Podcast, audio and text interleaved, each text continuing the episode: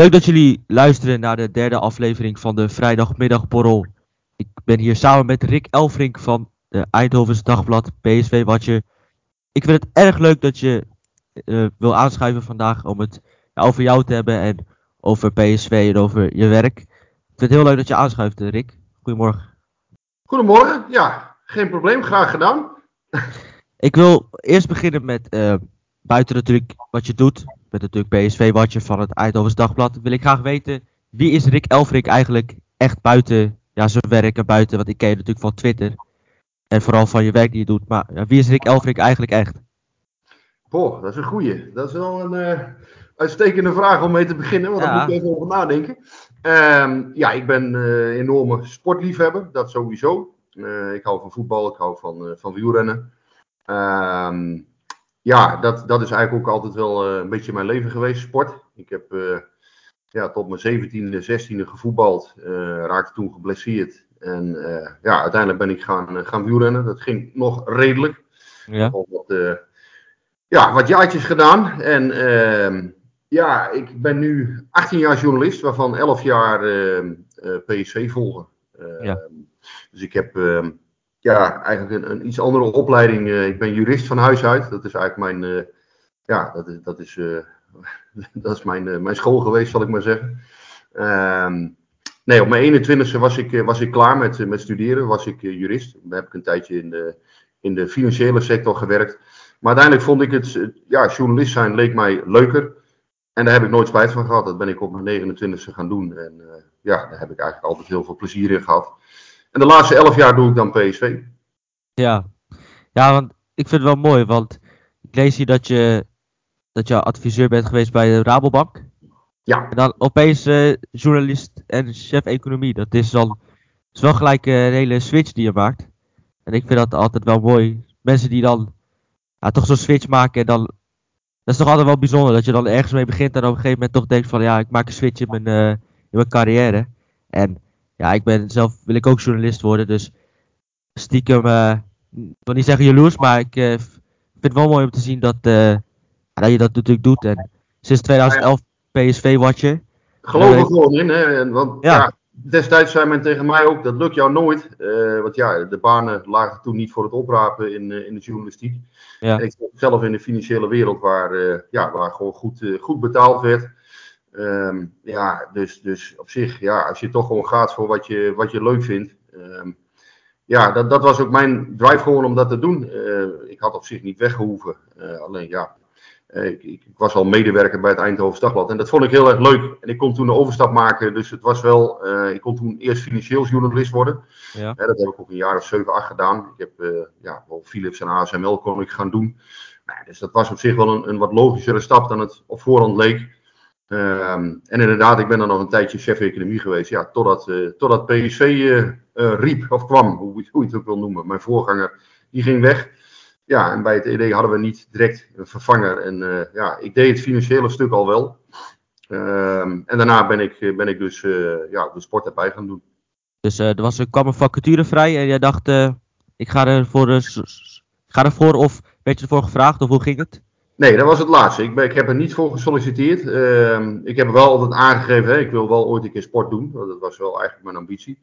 Uh, ja, uiteindelijk zat ik ook daar. Ik, ik zat goed op mijn plek hoor. Ik kon, uh, ik kon daar prima blijven. Ik was uh, net een jaar of twee was ik chef van, van de economieredactie. En ik had het daar prima naar mijn zin. Ja, met Philips, dan, dan, vlieg je ook nog wel eens hier en daar heen. En ja, ook een hele mooie, uitdagende portefeuille Alleen ja, eh, sport dat blijft dan toch iets wat, wat dicht bij je staat. En uh, ja, dat, dat, is de reden waarom ik het uiteindelijk ook ben gaan doen. Nee, men heeft mij daar uiteindelijk toe voor gevraagd.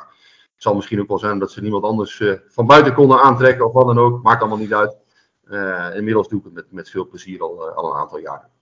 En wat is voor de rest je binding met PSV? Vanaf uh, kleins af aan, vanuit huis uit? Heb je, is het met de paplepel ingegoten of zoiets? Of Nee, nee, ik ben uh, uh, op mijn 23ste, even goed terugrekenen, op mijn 23ste ben ik hier uh, komen wonen. Dus ik woon hier al wel meer dan een half leven. In, ja. Ik woon in Nune, vlakbij Eindhoven. En ja, sindsdien, vroeger volgde ik PSV natuurlijk ook al wel. kijk, in mijn jeugd was PSV, daar praat je over, ja, zeg maar, toch 85 tot 92 was PSV natuurlijk wel ja, gewoon een hele grote club, ook in Europa. nationaal waren ze erg succesvol. Ja, en op het moment dat ik uh, tussen, tussen de 18 en 22 zeg maar was, ja, toen werd PSV minder succesvol. Maar ze hebben natuurlijk wel een, een fase gehad, uh, ik zeg eind jaren 80, dat ze, dat ze echt heel erg sterk waren. En ja, dat, dat is natuurlijk wel iets wat je, wat je van dicht, ja, niet van dichtbij gezien hebt, maar wel, wel gevolgd hebt. heel, ja, ik heb dat altijd wel nauwgezet gevolgd. Dus ik het andere, de andere clubs wel, wel nauw gevolgd heb. Destijds woonde ik in Twente. Dus ehm, ja, ik heb ook van FC Twente wel het nodige gezien in die periode. Uh, daar ben ik ook wel eens op de tribune geweest hoor. Uh, wel eens, regelmatig zelfs. Maar uh, nee, Philips Stadion, ja, daar, daar, kwam ik eigenlijk pas vanaf mijn ja, 324 zou ik maar zeggen. En je hebt natuurlijk ook de mensen op televisie gezien, de spelers op televisie waar je naar opkeek. Zijn er van die spelers die ook later tegenkwam bij PSV? Dat je dacht, zo, die heb ik eigenlijk vroeger op televisie gezien en nu zie ik ze eigenlijk recht voor me, misschien ook nog geïnterviewd. Ja, dat is, dat is, ergens is dat natuurlijk toch heel grappig. Hè? Dat je bijvoorbeeld inderdaad, uh, ik noem een Barry van Arlo of zo. Ja, hè, dat zijn uh, in je jeugd zijn dat, zijn dat toch iconen van het voetbal.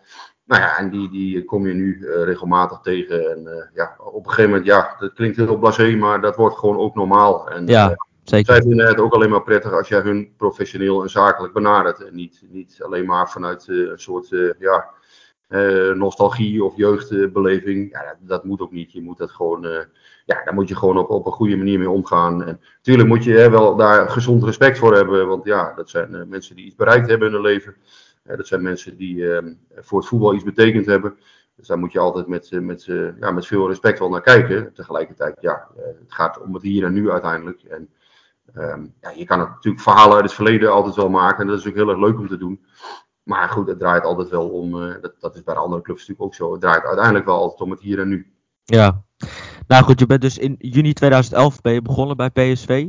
Hoe was zo'n eerste werkdag dan? Je stapt binnen en, en hoe gaat het dan? Ben je lichtelijk gespannen? Wie kom je tegen? Nee, dat niet. Wel, uh, het was wel ontzettend leuk. Kijk, ik dacht, uh, nou ja, ik dacht met mijn met mijn goede verstand gooi ik. Ik heb al best wel eens wat geïnterviewd. Ik bedoel, ja, ik, ik, ik, ik kwam toch regelmatig uh, bij de top van Philips over de vloer.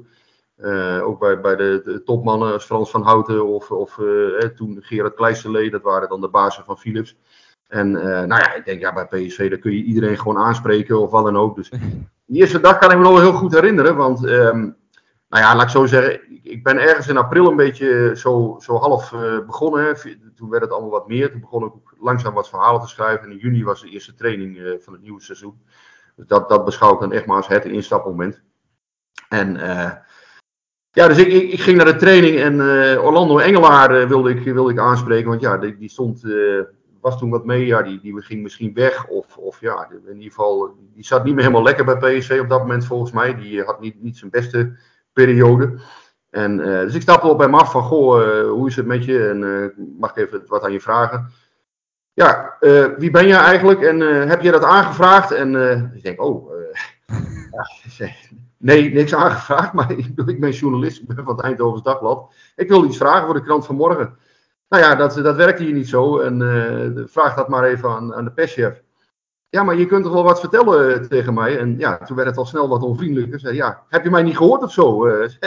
zorg gewoon dat je een aanvraag doet en dan, uh, dan kijken we wel of we even kunnen praten en anders niet. Ja, dus Dan, dan je eerste dag en uh, ja, dan weet je dus meteen van, oh, de voetballerij is, is een wereld met uh, hele eigen gebruiken en eigen, ehm, ja, eigen manieren om, om mensen te spreken. En eh, ja, daar, daar, je, daar moet je even een paar jaar aan wennen, ehm, hoe dat allemaal gaat. En eh, ja, uiteindelijk dan ja, dan heb je dat wel door uh, hoe de hazen lopen op een gegeven moment. Maar ja, dat is, dat is, zeg maar, als je aan een andere tak van sport komt, eh, in de journalistiek is dat toch even, even allemaal anders. Ja. En um, ja, uiteindelijk werkt ook gewoon wel veel inderdaad. Ja, je moet toch wel veel op aanvraag doen. Je kunt niet zomaar uh, allerlei mensen opbellen. Um, ja, en, en, soms ook weer wel. Zaakwaarnemers kun je natuurlijk wel, ja, die kun je wel gewoon opbellen en vragen gewoon hoe is de stand van zaken bij dingen. Soms zeggen mensen wel eens het off the record tegen je, maar ja, onder record, dat is natuurlijk toch niet zo, uh, niet zo heel erg makkelijk uh, in de voetballerij als, als het lijkt, zou ik maar zeggen. Het is niet zo dat mensen zomaar even tegen jou aan gaan leuteren en, uh, um, ja, en jou even gaan vertellen van, goh, dit, dit gebeurt er allemaal binnen bij ons. Ja, het lijkt me ook wel heel erg de eerste werkdag en dan zo'n spelen en dan gelijk zo'n antwoord. Dan denk je ook bij jezelf van, nou oké, daar zitten we dan. Dit is, dit is het. En is toch wel een klein beetje, uh, ja, ik wil niet zeggen een vervelende binnenkomen, maar je wordt wel een klein beetje op je plek gezet. Uh. Ja, je, je dacht aan een, emmer, uh, een emmer koud water die er even over die, over die kale klets nou ja, Misschien dat het ook een klein beetje voelt, dat je toch ik vind het wel prima. Nee, maar dat, dat, dat hoort er allemaal bij. Dat, ja, daar moet je dan ook maar even doorheen. Hè? Dat, je, dat je leert van ja, oké, eh, de voetballerij heeft zijn eigen merites en gebruiken. En ja, daar zul je uiteindelijk toch even doorheen moeten. En uiteindelijk, ja, kijk op het moment, ik snap dat wel. Daarom is het ook best wel lastig om te beginnen. Kijk, als niemand jou kent en je hebt geen enkel telefoonnummer. Uh, je, je begint maar gewoon op nul. Ehm, ja, kijk, het enige wat ik had, ik, ik, deed het financiële stuk van PSV al. Dus dat, dat was voor mij dan eh, een klein voordeel, dat ik wel de directie kende. En uh, ja, uiteindelijk, ik kende natuurlijk wel een aantal mensen bij PSV. Maar ja, sportief begin je eigenlijk op nul. En, en dat is wel even, ja, dat is natuurlijk wel even wennen hoe die wereld in elkaar zit. En, maar goed, uiteindelijk na een paar jaren, dan, dan is dat ook wel weer, dan is het leed wel weer geleden, zou ik maar zeggen. Maar ja, dat is ook juist goed. Ik denk dat, dat je, ik, laat ik zo zeggen, voor mij was het goed. Aan de andere kant, eh, mensen die wat minder, misschien wat minder incasseringsvermogen hebben, of die daar niet zo blij van worden, of ja, die toch wat snel uit een hum zijn, daar, uh, ja, die kan ik het dan niet aanraden, zeg ik maar zo zeggen. Nee. En misschien was het, ja, in die tijd, ja, het nog net, social media was er bijvoorbeeld al wel, hè, dat, dat kwam toch al wel behoorlijk in opkomst toen. Ik denk dat het nu ook wel moeilijker zou zijn om, uh, om helemaal, uh, ja, van, vrijwel vanaf nul te beginnen sportief. Ik denk dat, dat je er beter ook een beetje in kunt groeien. Dat je eerst even een eerste divisieclub uh, doet. Ja, dat je toch die voetballerij al een beetje leert kennen, zou ik maar zeggen. En ja. Uh, ja, in mijn geval, ik werd eigenlijk een beetje, ja, ik belandde toch een beetje gelijk in het diepe. En ja, dat is ook niet erg. Dan moet, je, dan moet je manieren vinden om daar weer in te overleven. En dat is uiteindelijk, ja, tenminste, hè, elke dag word je wel weer eens verrast. Maar uiteindelijk is dat daarna wel redelijk gelukt. Nou, we hadden, je had het net over social media. We hebben de kijkersvraag binnen van een naamgenoot van jou. Welk tijdperk als journalist vond, vond je leuker? Voor social media of nu met social media? Het constant online moeten zijn lijkt me een totaal andere dimensie aan het vak gegeven te hebben. Ja, dat klopt zeker. Kijk, uh, het is zo in ons werk, januari, uh, juni, juli en augustus, kun je eigenlijk, als je het echt uh, goed wil doen, als je echt alles wil volgen, kun je privé redelijk afschrijven. Want ja, dan ben je, ja, dan is natuurlijk die transferperiode is volop aan de gang. En uh, ja, dan heb je vaak ook nog het wedstrijdseizoen is, uh, zeker in juli en augustus, is het wedstrijdseizoen, Europees ook bezig. Ja, in de zomer is iedereen vaak nog net wat enthousiaster dan in de winter.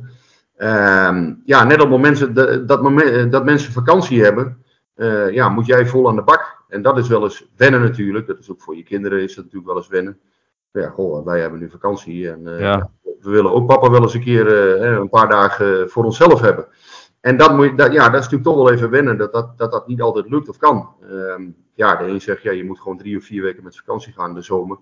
Uh, dat is wel het lastige in, in, dit werk. Um, ja, het, ik denk, het, of het voor het social media tijdperk alles beter was, dat weet ik niet. Het is wel zo, ja, um, de tijd dat ik begon, 2011, was het eigenlijk al in volle gang. Ja. Uh, ik denk dat, uh, ja, dat ik wat dat betreft, uh, ja, twee jaar of zo was dat al bezig, hè, social media. Met name Twitter was eigenlijk al wel, toch wel in zwang. Instagram is wat later gekomen.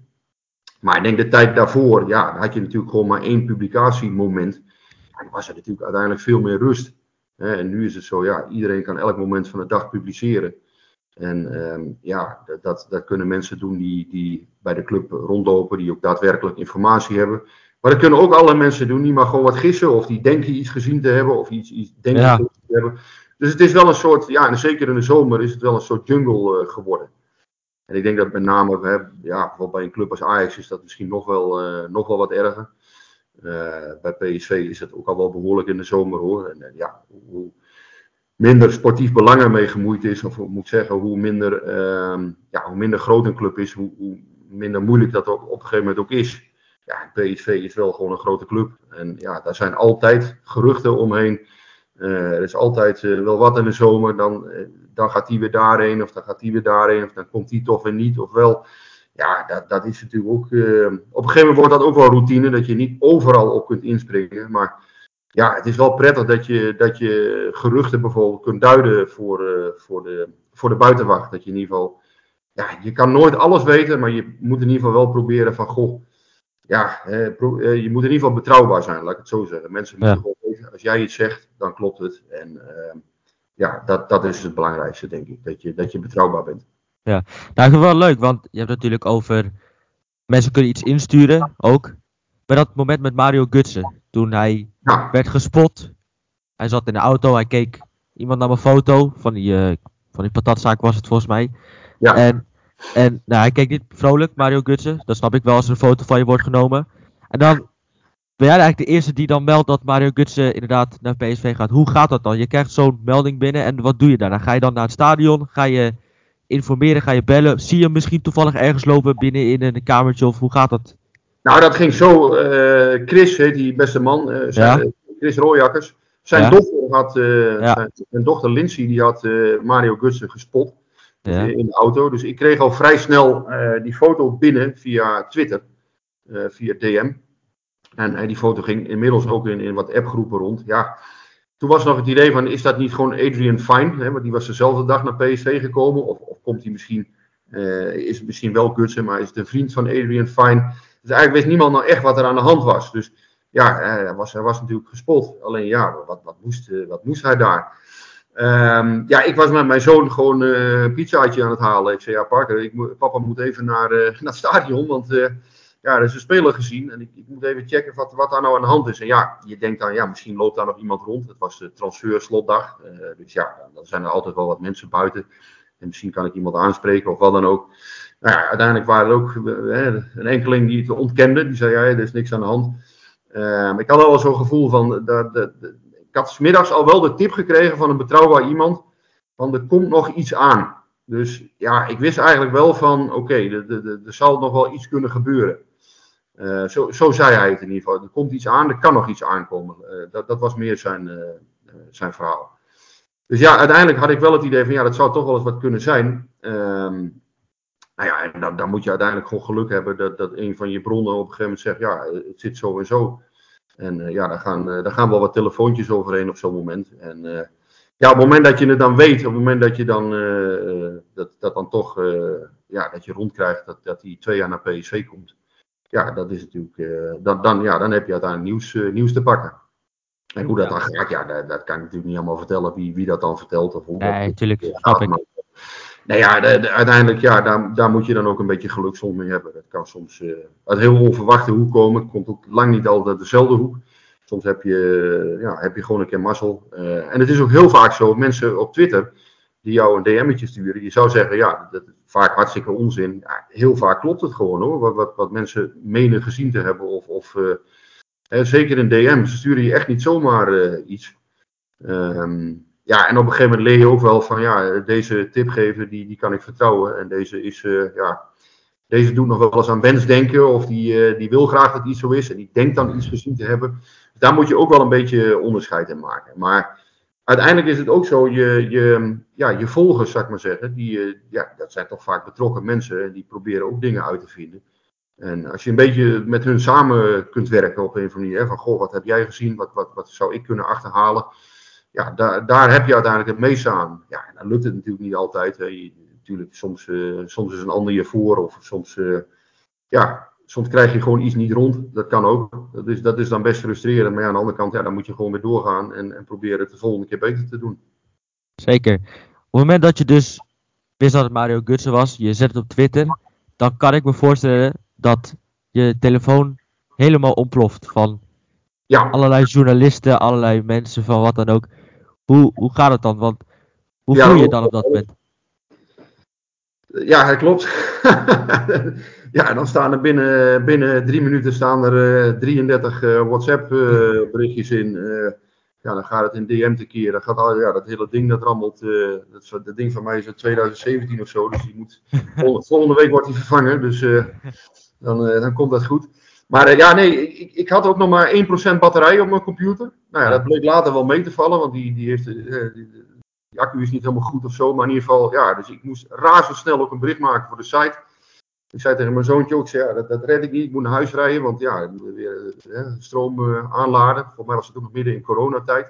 Dus ik kon niet overal even zomaar binnenlopen voor, uh, voor een stekkertje. Ehm, ja, en uiteindelijk uh, ja, is het toch nog gelukt op die ene procent. Dus hebben we dat bericht nog online gekregen. Maar ja, tegenwoordig uiteindelijk via Twitter uh, meld je als eerste dan het nieuws. Hè, van goh, check straks ed.nl hoe, het allemaal zit. Ja, dat is een beetje, ja, dat is een beetje tegenwoordig hoe het nu gaat. Hè. Twitter is toch wel vaak de, de bron waar het eerste nieuws op komt. En dan uiteindelijk breng je via Twitter ook de link naar je, naar je site waar dan zeg maar de, de verdere informatie op staat. Ja, en dan, het was sowieso een hele gekke dag, want het was transfer deadline day, dus het was sowieso heel, heel gek. En dan, s'avonds, word je geïnterviewd en dan staan er allemaal PSV-supporters eromheen. Ja, dat is dan wel, hoe is dat dan, dat je dan daar dan staat en dan al die supporters eromheen die dan een glimp willen opvangen van Mario Gutsen en dan ook nog twee zo'n hele gekke dag achter de rug hebt. Hoe gaat dat dan zoiets? Dan word je geïnterviewd en dan nou, het was zo. Kijk, Marco van Ginkel die was al uh, gepresenteerd. Dus die, uh, dat, die kwam terug. Uh, Adrian Fine, wat ik zei, die werd gehuurd een jaar. En ja, Mario Gutsen was dan het klapstuk van de avond. Ja, goed, voor, voor de supporters van PSC is dat dan natuurlijk een, een stunt. En ja, dan is op dat moment is dat voor hun het allerbelangrijkste wat er is. En dat is hartstikke mooi. Daar moet je alleen maar. ja, nee, daar moet je gewoon met respect naar kijken. Voor hun is dat, ja, dat is hun ploeg die, die dan een, een grote versterking presenteert ja, dat is prachtig voor hun. En tegelijkertijd, ja, ik moet gewoon mijn werk doen en, en dat uh, duiden voor, uh, ja, voor wie dat horen wil of wat dan ook. Dus ook daar moet je, moet je niet anders van worden. Ja, uiteindelijk is het, is het hartstikke, voor hun is het hartstikke mooi natuurlijk dat, dat, dan, uh, ja, dat het dan allemaal rondkomt. Um, ja, en tegelijkertijd denk je bij jezelf ook wel van, ja, eh, dat hoort erbij, hè, dat is de euforie van een transferdag. En uiteindelijk gaat het natuurlijk wel om ja, hoe pakt het, hoe pakt het uiteindelijk uit? En um, ja, daar, daar denk je inmiddels, hè, na, na, na een aantal jaren dat je dat doet, denk je inmiddels wel wat verder na. Van ja, goh, zo'n jongen komt natuurlijk uiteindelijk niet voor niks naar PSV. Dat is natuurlijk ook omdat hij uh, een nieuwe uitdaging zoekt. Omdat hij ook niet meer in de, ja, de top van zijn. Uh, hè, hij, zit, ja, hij zit ook niet meer. Uh, hij heeft niet meer zijn, zijn toplevel, zoals uh, Roger Smit dat zou noemen. en tegelijkertijd ja, probeert hij dat wel weer terug te vinden. En ehm, nou ja, op dat moment is het is natuurlijk wel een wereldkampioen die naar PSC komt. Uh, ja, dat is natuurlijk iets heel bijzonders op dat moment. Dat, dat, dat, ja. En dat mensen daar opgewonden van raken of dat mensen daar uh, soms zelfs uitzinnig van worden. Ja, dat is alleen maar mooi. Dat, dat is prachtig. Lijkt me ook wel mooi als, nou ja, als PSV wat je om ook zo'n speler gewoon... Dat je zo'n speler ook misschien, dat je denkt van ja, ga naar PSV toe, ik kan hem misschien interviewen. Of lijkt me voor PSV was het ook mooi dat zo'n grote speler uh, naar, naar PSV komt, lijkt mij. Ja, nou ja, dat, dat is leuk. Maar tegelijkertijd, ja, ook daarvoor geldt. Uh, ja, uiteindelijk moet ik gewoon mijn werk doen. En ja. kijk, we hebben, ja, uiteindelijk in ons werk heb ja, je hebt niks aan sprinkhanen, zou ik maar zeggen. Die overal, uh, uh, van, overal direct van onder de indruk zijn of, of snel, snel in de put zitten. Ja, dat, dat, dat, is, dat is niet ons werk. Je moet gewoon rustig, ja, rustig blijven en, en, je werk doen. En uiteindelijk, ja, ook Mario Gutsen is uiteindelijk maar een mens. En, ja zeker. Ja, nou ja, het, het is vooral, uh, ja, tuurlijk. Hè, en, en, tegelijkertijd moet je ook wel de bijzonderheid daarvan duiden. Hè, want het is, het is uiteindelijk een speler die dan uh, wereldkampioen is geworden. Um, ja, die in, minder, in een mindere fase zat bij, uh, bij Dortmund. Komt dan naar PSV. Ehm, ja, nou, en het grappige is ook wel, mensen denken dan dat het al weken speelt. Ja, en S'morgens, bijvoorbeeld Toon Gerbrands wist s'morgens, uh, de directeur van PSV, wist gewoon nog niet dat, dat hij naar, uh, naar Eindhoven zou komen, Mario Kutsen. Dat is, dat is dan wel echt via Roger Smit is dat uh, gelopen. Die heeft met John de Jong uiteindelijk gesproken die dag. En ja, is er nog een potje voor hem? Nou ja, en ja, uiteindelijk bleek dat nog aanwezig. En is hij dus naar, naar PSV gekomen. Ja, dat is wel gek hoe dat dan gaat. Hè? Hoe, hoe een trainer dan invloed heeft op, ja goed, invloed heeft op het transferbeleid, maar ook gewoon ja, Roger Smit is natuurlijk, wordt het Nederland natuurlijk wel eens soms een beetje wat lachig neergezet of een beetje veel kritiek op hem. Maar hij is wel natuurlijk wel een man met heel veel contacten, een grote naam in Duitsland. Dat hij dan dat soort spelers kan, kan binnenhalen, is natuurlijk wel... Kijk, het is zo, de rest, uh, het, is allemaal, hè, bedoel, Sangare, Max, ja, die stonden echt al lang op de Philips-lijst, of uh, sorry, de Philips-lijst, op de PSV-lijst, uh, die, die, stonden al lang, ja, bij PSV was al lang, uh, Max was al lang in beeld als, als linksback. Sangaré, ja, dat was al, ja, dat was al een speler die al een hele poos op de radar stond. Alleen ja, um, dan ontstaat ook wel eens het beeld hè, dat, dat Rovers niet alles bepaalt. Ja. Een speler als Gussen laat je dan op dat moment niet lopen, uh, lijkt mij. Ja, als dat dan kan, als zo'n speler naar, naar Eindhoven kan komen via zijn netwerk. Bij PSV hebben ze wel altijd gezegd van ja, die netwerken van Smit en die van ons, die willen we graag combineren. Ja, en dan zal het best wel eens zo zijn hè, dat, uh, dat er een speler komt waar je, wat vraagtekens bij kunt zetten. Ik heb zelf bijvoorbeeld bij, bij die keeper, hè, Vincent Muller. Ja, dat is, dat is een derde doelman daarvan denk ik dan van ja, was hij nou niet in Nederland te vinden? Uh, en tegelijkertijd, ja, uh, dat is denk ik ook geen echt vitale positie. Ik weet wel, eerder was het bijvoorbeeld zo, hè, dat, dat uh, onder Van Bommel kwamen er ook ooit twee spelers, Sainsbury en uh, Behi, ja. linksback en centrale verdediger. Ja, en, en daar was uiteindelijk wel oneenigheid over, zou ik maar zeggen. De scouting bijvoorbeeld zag, zag die spelers helemaal niet zitten. Nou, dan, ja, dat is eigenlijk zorgelijker, denk ik, voor een club dan ja. um, dat je een speler als Mario Gutsen binnenhaalt. En over alle andere spelers, ja, dat is, dat is eigenlijk gewoon. Ja, in mijn ogen is daar prima overleg over geweest. En uh, ja, dat de speler als Philip Max, die toen in prima doen was uh, uh, in 2020, naar PSV komt. Ja, dat, dat, dat, dat komt misschien ook mede door, door Smit. Hij, ja, hij, hij, heeft met die, met die jongen gesproken. En John de Jong heeft met die jongen gesproken. Dat zal echt wel helpen. Maar tegelijkertijd was dat toen wel een speler die PSV ook heel graag wilde. Nou, ja. Yvonne en Vogel is dan misschien ook wel een voorbeeld van ja, die, die, ja, PSV zag het wel in die jongen zitten. Alleen ja, die komt natuurlijk ook wel uh, mede door Smit. Nou, dat is dan uh, uiteindelijk Sahavi. Hè, ook zo'n zo speler, ja. Sam Lammers ging toen weg. Uh, ja. En uiteindelijk is toen Erhan Sahavi gekomen. Ja, dat zal ook, hè, dat zal zonder Smit niet gebeurd zijn. Tegelijkertijd ja, heeft PSV daar wel gewoon mee ingestemd. En, ja. ja, dat zijn dan voorbeelden. Sahavi en Vogel vind ik dan voorbeelden van minder, minder geslaagde transfers tot nu toe. Ja, ja Vogel, Vogel zeker. Ja, goed. Maar goed, bij iedere club heb je spelers die niet slagen. En je kan nooit altijd voltreffers binnenhalen. En over Philip Max. Ja, ik ken hem toen bij Augsburg. Want ik volg het buitenlands voetbal allemaal. Dus ik wist bij Augsburg, vond ik hem heel goed. Dus dat PSV hem wilde hebben, ja, snapte ik volkomen. Want hij was aanvallend zo goed toen bij Augsburg. Dus ik begreep die komst heel erg. Dus dat hij. Dat hij toen hij begon echt geweldig bij PSV de eerste maanden. Dat je echt dacht, Ja, precies wat je zegt. De eerste maanden was hij echt uitstekend op dreef. En eh, ja, heeft hij het thuis elftal uiteindelijk gehaald. Ja. Ik heb wel het gevoel vorig jaar, ehm, of sorry, vorig seizoen. Juist in die fase dat hij, dat hij op een gegeven moment speelde die 10 wedstrijden in 31 dagen, weet ik nog. Ja. Er zat mij ook die, die Interland tegen Spanje bij, die 6-0, waar ze toen helemaal weggepoetst werden, eh, Duitsland. Ik heb wel het gevoel dat hij in die periode, ja, dat hij wat opgebrand is geraakt. En daar is hij eigenlijk nooit meer echt overheen gekomen. Nou, afgelopen eh, najaar heeft hij dan corona nog gekregen. Ehm, ja, en sinds die, ja, het was eigenlijk al minder. Op de een of andere manier is het, is het niet meer eh, de Philip Max van, van de, de beginperiode bij PSV. Sterker nog, hij is er eigenlijk geen schim meer van op dit moment. En dat, ja, kun je dat voorzien op dat moment? Ja, hij Nee. startte geweldig. Alleen ja, daarna dan, dan zakt het toch behoorlijk in elkaar. eh. en op dit moment, ja, ik denk dat Mauro Junior, als, als alles Zeker. goed zeker. Mauro Junior gewoon de voorkeur bij PSV. En dat, eh, ja, dat, is, dat is bijzonder. Ja, goed. Ja, hij is wel misschien wel de, de beste speler van PSV de laatste weken. Mauro Junior.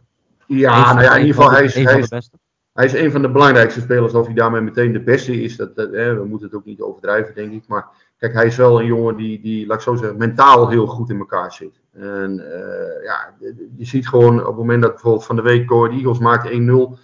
eh, ja, dan, dan is toch wel eens de neiging in het veld van ja, eh, ik weet het zelf misschien ook wel van vroeger. Ja, dan, dan, je laat je kopje nog wel eens hangen op dat moment. Mauro Junior niet. Die, die blijft gewoon, eh, ja, die, die blijft altijd geloven in zijn kansen. En eh, dat, is, dat is wel zijn kwaliteit. En dat voegt hij ook toe aan, aan dit elftal. Hij voegt een stukje mentale kracht toe. Daarnaast vind ik dat hij prima techniek heeft voor, eh, voor een back. Eh, dat hij verdedigend is hij ook gegroeid. Hij, eh, ja, bijvoorbeeld in de, wedstrijd tegen, tegen Ajax heb ik Anthony ook nauwelijks gezien. Klopt. Eh, ik, vind dat hij, eh, ja, ik vind dat hij een hele goede indruk maakt eh, de afgelopen periode. En ja, daarom hadden we, hadden vandaag ook een verhaal over hem. Hè, dat hij, ehm, ja, hij gaat een Nederlands paspoort krijgen in de zomer. Oh. Dus ja, het kan best zijn dat hij, dat, dat is niet meteen voor de basis, maar het kan best zijn dat hij een optie wordt voor, voor Oranje, voor de breedte in ieder geval. Dat, dat moet je helemaal niet uitsluiten, denk ik. Nou, leuk. Ik, ook gelijk hier even nieuws voor mij. Ik wist het helemaal niet. Mauro Junior wordt dus Nederlander. Maar ik wel, kijk, Schmid wordt wel, er is heel veel kritiek op Schmid wel eens. Ook over zijn wisselbeleid. Maar als we gaan kijken, PSV staat weliswaar doordat, doordat Ajax afgelopen weekend punten heeft laten liggen. Twee punten staan ze achter op Ajax. Bekerfinale. weliswaar de Conference League, maar wel de volgende ronde. En, wat ook belangrijk is, spelers als Gutierrez, Mauro Junior, die zijn wel onder hem wel gegroeid. En vind je dat de kritiek wel eens, natuurlijk, er is soms wel eens, mensen gaan soms wel eens gewoon mee in, in andere mensen zijn kritiek, maar de kritiek over het wisselbeleid kan ik soms wel invinden. Met toen Drommel uit de basis werd gezet en, en ja. ging erin en dan gelijk de een paar dagen daarna zat Drommel er weer in. Dat, die kritiek snap ik, maar vind je dat de kritiek wel te, te is op Schmid of jij als PSV-watcher? ik vind dat hij niet altijd gewaardeerd wordt op de, op de manier zoals hij uh, gewaardeerd zou moeten worden, denk ik. Ik vind wel, um, ja, er zijn twee dingen. Uh, ik vind dat PSV voetballend uh, ja, niet echt, echt een duidelijke lijn laat zien. Hè? Dus, dus je, ja, je ziet eigenlijk niet echt vooruitgang, zal ik maar zeggen. Je ziet ook geen herkenbaar uh, systeem. Nou, nou maakt dat herkenbare mij nooit zo heel veel uit. Uiteindelijk gaat het namelijk wel om resultaten boeken. Maar je ziet bij PSV niet echt automatisme ontstaan. Je ziet heel veel wisselingen, mede door blessures. Hè, dus daar kan hij. Ja. ja de vraag is, ik denk niet dat hij daar zo heel veel aan kan doen. Anderen misschien wel. Maar, um, maar je ziet ook veel wisselingen waarvan ik denk: ja, hoe, hoe kom je daar nou bij? Waarom doe je dat nou? Ja, die keeperswissel is wel natuurlijk het meeste. Ja, dat vond ik zelfs tamelijk ridicuul eigenlijk om, om dat zo te doen. Um, dus in die zin vind ik de kritiek soms wel terecht hoor. Ik vind dat PSV ook, uh, ook de afgelopen wedstrijden bijvoorbeeld. Ja, het is niet zo dat ze nou zo geweldig voetballen. Tegen Cohet was het alweer wat beter. Ja, tegen Sparta, ja goed, dat kunstgras, daar kun je misschien uh, wel wat van vinden. Uh, tegen Maccabi vond ik ze ook niet geweldig spelen. Ja, dus, dus voetballend is het, is het, maakt PSV niet heel veel indruk op dit moment, vind ik. En daar mag je best wel kritisch op zijn. Uh, tegelijkertijd heeft Roger Smit ook wel gewoon kwaliteiten. Hij heeft jongens die inderdaad eigenlijk al min of meer afgeschreven waren. Zoals Gutierrez inderdaad, Mauro. Heeft hij weer belangrijk gemaakt voor het team. Ja. Heeft, uh, ja, heeft denk ik een goede groep opgekweekt. Ik denk dat PSV als eenheid, als collectief, gewoon goed in elkaar zit. Um, ja, dat, dat, vind ik ook echt wel zijn, zijn kwaliteit. Een goede groepsbouwer. Ik denk ook dat het een, ja, ik denk dat voor de groep ook een prettig mens is. Bij PSV hoor je weinig bankklanken over hem horen van, goh, hij is, hij zo dominant of dit of dat. Nee, dat, dat, dat, ja, dat merk je ook aan, aan mensen die om een ploeg altijd lopen. Van goh, ja, die, die laten nog wel eens wat vallen. Van uh, nou ja, deze trainer of dit of dat. Maar dat is niet zo. Hij, hij is gewoon. Ja, ik denk dat hij een prima mensenmens is. Zeker. ik heb eerder als. Het is geen Guus Hiddink. Zo, zo is het ook weer niet. Maar ehm, ja, hij is meer mensenmens dan, dan bijvoorbeeld hè, Mark van Bommel eerder was, denk ik. Ja. ik denk dat hij vooral. Ja, die klikt dan met een aantal spelers heel goed. en die klikt dan ook met een aantal spelers helemaal niet. En um, ja, als coach is het denk ik heel belangrijk dat je, dat je ook de nummers 11 tot en met 18, of sorry, nummers 12 tot en met 18 in je, in je selectie voor je houdt en voor je wint. En daar is hij wel echt, uh, daar is hij in mijn ogen wel top in geweest, uh, Schmid. Dat heeft hij echt goed gedaan. Dus, dus de 18 man, 20 man hongerig houden, dat is hem gelukt. Tegelijkertijd, ja, het voetbal, uh, geen topwedstrijden winnen. Nee, of, oh, daar, eentje heeft hij natuurlijk gewonnen. Hè? Ajax, ja. PSV in de zomer en, en AZ, PSV dan een keer. Maar ja, de topwedstrijden zijn de resultaten gewoon uh, niet goed genoeg. Ja. Um, ja, en ik vind dat PSV ook niet zo, uh, ja, wat ik zeg, niet zo geweldig voetbal op dit moment. Ze krijgen best wel veel tegengoals nog. Al is dat na, na oktober is dat wel verbeterd, vind ik. En dat, dat heeft ook met Gutierrez te maken. Um, maar ja, al bij al ze staan er wel beter voor dan bijvoorbeeld toen hij kwam. En dat wordt ook wel eens vergeten. VV stond toen vierde. En uh, ja, uiteindelijk is het, uh, is het nu denk ik toch allemaal wel een stukje stabieler dan, uh, dan het was. Ja, en in die periode ja, was het nog maar de vraag of PSV Europees voetbal zou halen. Ja. Ja, en dat, dat, ja, die zorgen, daar zijn ze nu wel van verlost.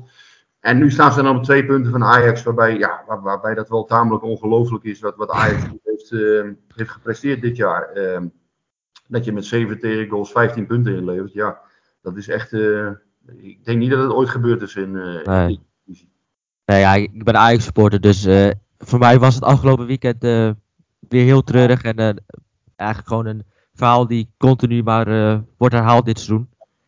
Maar wat ik vooral merk bij het verschil tussen PSV en Ajax is, nou ja, je hebt het over PSV wint de topwedstrijden niet. Ajax wint die dan wel in de Eredivisie, behalve thuis van AZ. Maar ondanks hoe moeilijk het ook gaat, heb ik wel het idee dat PSV die makkelijkere wedstrijden tegen de kleinere ploegen wel weet te winnen. En daar, waar Ajax daarover struikelt, struikelt PSV daar niet over. En je wordt kampioen door te winnen van de, tegen de kleintjes, wordt er gezegd. Ja, dat wordt gezegd. Nou ja, als PSV die wedstrijd tegen Ajax thuis had gewonnen, dan uh, ja, ja. had het toch anders geweest. Want ja, uiteindelijk is dat, ja, het zijn toch zes, zes punten waar je, waar je het dan over hebt. Nou, ik, ik, dat, ik, ik denk bij dit PSV zit er wel een, een, stukje mentale kracht in. Want ze hebben echt veel, veel uit de tenen moeten halen dit jaar. Um, ja, ik kan me echt behoorlijk wat wedstrijden herinneren waar het, het gewoon niet goed liep. Tegen Pek Zwolle thuis, tegen Sparta thuis. Uh, ja, uh, Go Eagles dan nu weer, uh, was ook uit al een probleem in de eredivisie. Was ook een moeilijke, moeizame wedstrijd. Dus ja, dat soort potten heeft PSV toch wel veel gespeeld. En ja, hun kwaliteit is dan wel dat ze, dat ze hem over de streep trekken inderdaad. En ja, dat komt wel door jongens inderdaad. Ja, bijvoorbeeld dan een Mauro die, die dan weer opstaat afgelopen week. Um, ja, uiteindelijk zit er in dat elftal wel iets inderdaad van, van overlevingsdrang bij PSV. En ze kunnen het wel uit de tenen halen als het moet, als het voetballen niet loopt. Het is natuurlijk fijner als het andersom is, dat het voetballen makkelijk loopt. Ja, dan hoef je ja. niet zoveel energie te verspillen. En uh, ja, dan kan je, gewoon, kan je gewoon lekker doorgaan. Maar ja, dat blijkt dus ook, als dat regelmatig gebeurt, ja, dan word je ook wel eens gemakzuchtig. Ja. Ik denk dat dat inderdaad vooral is wat Ajax uh, overkomt. Ja. Tegelijkertijd, ja, er zijn ook wedstrijden. Ik heb van Ajax die wedstrijd, die thuiswedstrijd tegen Go Eagles heb ik gezien. Ja, hoe is het in godsnaam mogelijk dat je die wedstrijd niet wint? Dat is echt onvoorstelbaar. Um, maar ja, dat is ook wel weer het mooie aan voetbal. Ja, soms heb je inderdaad, en dan kijk je na afloop kijk je naar alle statistieken en dan denk je, ja, hoe kan dit? Ja. Dat, dat had PSV tegen Willem II overigens ook. Hè. Uh, ja, die wedstrijd, verloren ze. Ja, ik, ik meen 25 scho schoten op, uh, schoten op goal en twee van Willem II. Uh, dus een eigen goal en een blunder van Drommel, waardoor ze die wedstrijd verliezen. Ja, ja dat, dat, dat, en dat, dat is natuurlijk iets, daar kun, je als, ja, daar kun je de vinger ook moeilijk op leggen. Je kan die wedstrijd uit een treuren analyseren. Ja. PSV was tegen Willem II ook, ook vele malen beter. Alleen ja, je verliest die wedstrijd. En ja, ja dat, dat, dat, is nou helemaal voetbal. En, en Ajax had dat tegen Go Ahead thuis bijvoorbeeld ook. Ik geloof 3,85 XG of zoiets. Ja. 0,19 of zoiets zag ik toen. Ja, dan denk je, hoe, hoe kan dat? Maar ja, de, uiteindelijk, ja, dat is het mooie aan, uh, aan, aan de sport natuurlijk. Dat, dat dit soort dingen blijven gebeuren. En uh, ja, tegelijkertijd, dat moet je dus ook wel relativeren als je, als je het onderliggende spel bekijkt. Ja. Ja, en het resultaat kan toch wel eens anders zijn dan, uh, dan wat je op het veld uh, hebt gezien. Ja, voor Go Ahead thuis, ik heb uh, toen uh, kaart tegen een lamp aangeslagen. Dus mijn hele hand deed toen pijn. Echt. Daar heb jij nog nachtmerries van, denk ik. ik heb, ja, nee, ik heb nachtmerries van Go Ahead. Dus stiekem was ik blij dat we Go Ahead niet troffen in de halve finale, maar AZ. Nee, wat ik, wat ik wel, wat je zei, dat mentale gedeelte, dat mis ik wel bij Ajax vaak. Als Ajax achterkomt, is het wel meestal van, ja, de kopjes blijven wel Ajax wordt wat, wat zenuwachtiger als ze achterkomen. En bij PSV merk ik dan, ja, het blijft toch, ze komen achter en ze blijven toch gewoon hun ding doen. En, en er wordt wel mentaal, mentaal ingebracht. En dat, mis ik, dat gedeelte mis ik wel bij Ajax vaak. Ja, het, kan ook, het kan ook heel slecht uitpakken hoor. Ik, bedoel, ik heb PSV ook een paar keer achter zien komen. Ja. tegen Ajax en tegen Feyenoord. En uh, thuis. Ja, uh, sorry, tegen Feyenoord thuis en tegen Ajax uit. Ja. Maar er zijn ook slotfases waar, waar ze helemaal uh, als een kip zonder kop naar voren gingen tegen Ajax bijvoorbeeld. Ja, dan wordt het 5-0. En dat kan natuurlijk ook niet. Nee. En dan moet je ook, nou, als, je, als het je dag niet is en het is 2-0, ja, dan moet je ook op een gegeven moment zeggen, joh, uh, even de rijen sluiten nu. En uh, ja, misschien hopen nog op, op iets, iets wat er verkeerd valt bij hun. Maar ja, dat was, dat was vrij naïef. En tegen Sociedad bijvoorbeeld in, in de Europa League. Ja, ja. ja PSV hetzelfde, verloren ze ook met 3-0. Ja. ja wilden ze ook echt. Ik dacht van ja, toen wilden ze massaal gaan aanvallen terwijl ze aan een punt genoeg hadden. Dus ja, massaal gaan aanvallen. Hè. Ik druk me misschien een beetje uh, opportunistisch uit nu, maar het was wel, laat ik zo zeggen, het was iets te offensief allemaal. Je merkte aan alles van ja, PSV wilde daar wel even het spel gaan maken. Ja, en dan speel je tegen, tegen Sociedad, uh, toen volgens mij de nummer 4, 5 van Spanje. Ik weet niet of het nu nog zo is, ik denk het wel. Ja, 5 volgens mij, 5, 6. Um, ja, dat, dat, dat werkt dus gewoon niet. Daarvoor is zo'n ploeg te goed. De, die zijn te leep. En uh, ja, die hebben dan spelers erbij die, die daar heel makkelijk gebruik van kunnen maken. Ja, en dan verlies je uiteindelijk met 3-0. Ook door, ook door een fout van, van Gutierrez. Een spaarzame fout van hem. Maar ja, uiteindelijk. Hè, dus, dus het is niet altijd zo dat PSV uh, in slotfases of bij een achterstand het goed doet. Want ze hebben ook dit seizoen wedstrijden gehad waar het gewoon helemaal misging. En um, ja, uiteindelijk kost dat dan maar drie punten. dus het is ook niet zo dat dat nou meteen een drama is. Maar met 5-0 verliezen bij Ajax, dat, eh, dat hakte, wel, uh, dat hakte hier in Eindhoven wel in. Uh, dat, dat merkte je wel rond die periode. Dat, ja, dan wordt het ook wel even allemaal wat harder en onvriendelijker rondom, rondom PSC. En dat is ook goed. Want uiteindelijk, ja, dat kan natuurlijk niet dat je met 5-0 bij huis verliest. Nou, persoonlijk vond ik dat niet heel erg, die wedstrijd. Nee, voor jou kan ik me dat niet voorstellen, maar, maar PSV... Nee, bij PSV wel, maar ik denk vooral dat het ook heeft geholpen dat Ajax de weken daarna vier punten heeft laten liggen tegen Herakles en Go Ahead. Dat PSV in die fase ook weer, ja, toch weer de kracht en de vertrouwen uitputten uit. Op een gegeven moment, na die wedstrijd tegen Ajax, hoorde je ook Roger Smit zeggen van, ja, Ajax is... Ik weet niet of dat, of dat gewoon was om de spelers uh, weer een beetje erop, bovenop te krijgen om te zeggen, ja, Ajax is nu wel uh, klaar en uh, Ajax wordt wel kampioen. Niet, heeft niet helemaal gezegd, maar zo kwam het wel een beetje over. Dan is zo'n dat Ajax daar vier punten laat liggen, is ook weer. Is voor PSV ook weer uh, brandhout. En, uh, dat heeft wel, denk ik, ook geholpen in die fase, denk ik. Nou, ik denk als je als coach, hè, dan, dan vlak na de wedstrijd krijg je een microfoon onder je neus. Ja, En ik denk als je net met 5-0 verloren hebt, dan ben je ook wat meer aangeslagen dan, dan twee dagen later, lijkt me. En, ja, ik had ook de indruk, het is een van de weinige keren dat ik hem wel wat, wat neer, echt neergeslagen zag. En ik had toen wel de indruk na die wedstrijd dat hij echt dacht van hoe moeten wij in godsnaam ooit in Nederland kampioen worden met dit Ajax. Dat toen met 5-0 won. Ja. En toen begon hij ook hè, van ja, 20%, 80% waren die kansen. En toen begon hij over uh, dingen en dacht van ja, goh, dat heb ik hem eigenlijk nog niet eerder horen zeggen allemaal. Uh, nou ja, je kan het uiteindelijk, zolang het, het gat rond de 4, 5 punten is, mag je het natuurlijk nooit opgeven. Nee. nee. Het blijkt altijd weer uh, dat er toch. En dan word je na zo'n wedstrijd word je uitgelachen. Dat is ook helemaal niet erg. Maar elke ploeg loopt altijd wel een keer tegen zo'n zo'n nare nagelijkspel of, of een keer een vervelende 1-0 nederlaag aan. Dat gebeurt ook Ajax. Ja. Dan moet je altijd, uh, zolang het gat niet te groot is, kijk, als je echt in de dubbele cijfers komt, dan ben je weg. Dan uh, kun je ja. een kruis overzetten. Um, maar ja, zolang je op 4, 5 punten zit, moet je er altijd in blijven geloven. En dat is natuurlijk wel een kwaliteit uh, die je ook moet hebben als speler. En nu zie je, ja, het is twee punten ja, zolang het twee punten blijft, dan is het tot de laatste wedstrijd gewoon spannend. Iedereen weet in die slotwedstrijden, daar kan van alles gebeuren. Dan, ja. dan kan er toch pap in je benen zitten ineens of wat dan ook. Of een tegenstander die, uh, die met een aanmoedigingspremie uh, helemaal uh, de dag van, van, zijn leven heeft. je weet het niet. het blijft, zo'n slotdag, dat blijft altijd een, een ja, iets geks. Ja, en, ja daar, daar moet je toch altijd in blijven geloven als speler. Dat, zolang het gat kleiner is dan drie punten. Hè, want Ajax heeft nu een geweldig doelsaldo. En dat, dat hebben, ze, hebben ze echt fantastisch gedaan. Maar uh, ja, als je, als je onder de, de drie punten zit, ja, dan moet je er altijd in blijven geloven. Want er komt nog altijd een momentje. normaal gesproken komt er altijd een moment dat, dat Ajax ook nog een keer uh, ergens iets laat liggen. Ja, hoop het niet, maar dat, die kans is wel groot. Zeker als je ziet hoe Ajax ja. die kleine ploeg in dat soort wedstrijden het heel vaak heel moeilijk heeft. Nee, je hebt Willem II gezien dat maar overigens wel, in die wedstrijd tweede helft was Ajax best wel prima. Die goal viel wel laat. Maar tegen Go Ahead was het gewoon echt een valvertoning in alles. Dus ik zie het nog wel gebeuren dat Ajax nog veel punten laat. Nou, nou, veel. Dat Ajax nog best, best wel wat punten kan laten liggen. Ja, je weet het niet. Kijk, zij moeten dan naar Groningen, AZ, uh, Vitesse. Um, ja. Feyenoord. Feyenoord thuis. Ja, goed. Feyenoord thuis is natuurlijk wel vaak. dat, dat gaat, meestal, vaak wel. Uh, gaat meestal toch wel goed voor Ajax. Um, maar ja, dit Feyenoord, ja, die, die hebben toch ook wel, uh, wel wat laten zien dit seizoen. Dus misschien dat het dit jaar een keer anders is, je weet het niet. Um, maar met name, ja, ik, ik denk bijvoorbeeld Groningen uit. Ja. Dat is volgens mij voor Ajax de, de grootste valkuilen. Ja. En uh, ja, zolang zij dat soort wedstrijden gewoon met 0-3 blijven winnen, ja, dan is er niet zoveel aan de hand. Uh, maar ja, als ze daar weer een keer een, een, dag niet hebben. Ik denk dat het ook heel cruciaal wordt of zij doorgaan tegen Benfica. Ja, als, als dat lukt, ja, dan, dan speel je toch weer een tweeluik. Uh, ja, en, en, rondom die wedstrijden, ja, dan is het toch vaak hè, de, de uitgeleide gevaar. Uh, ja. ja, dat hebben we PSV ook zo vaak gezien. Dan, uh, dan spelen ze tegen Excelsior het weekend ervoor. En uh, dat was ook in seizoen 15, 16 volgens mij. Ja, dan spelen ze thuis 1-1 tegen Excelsior.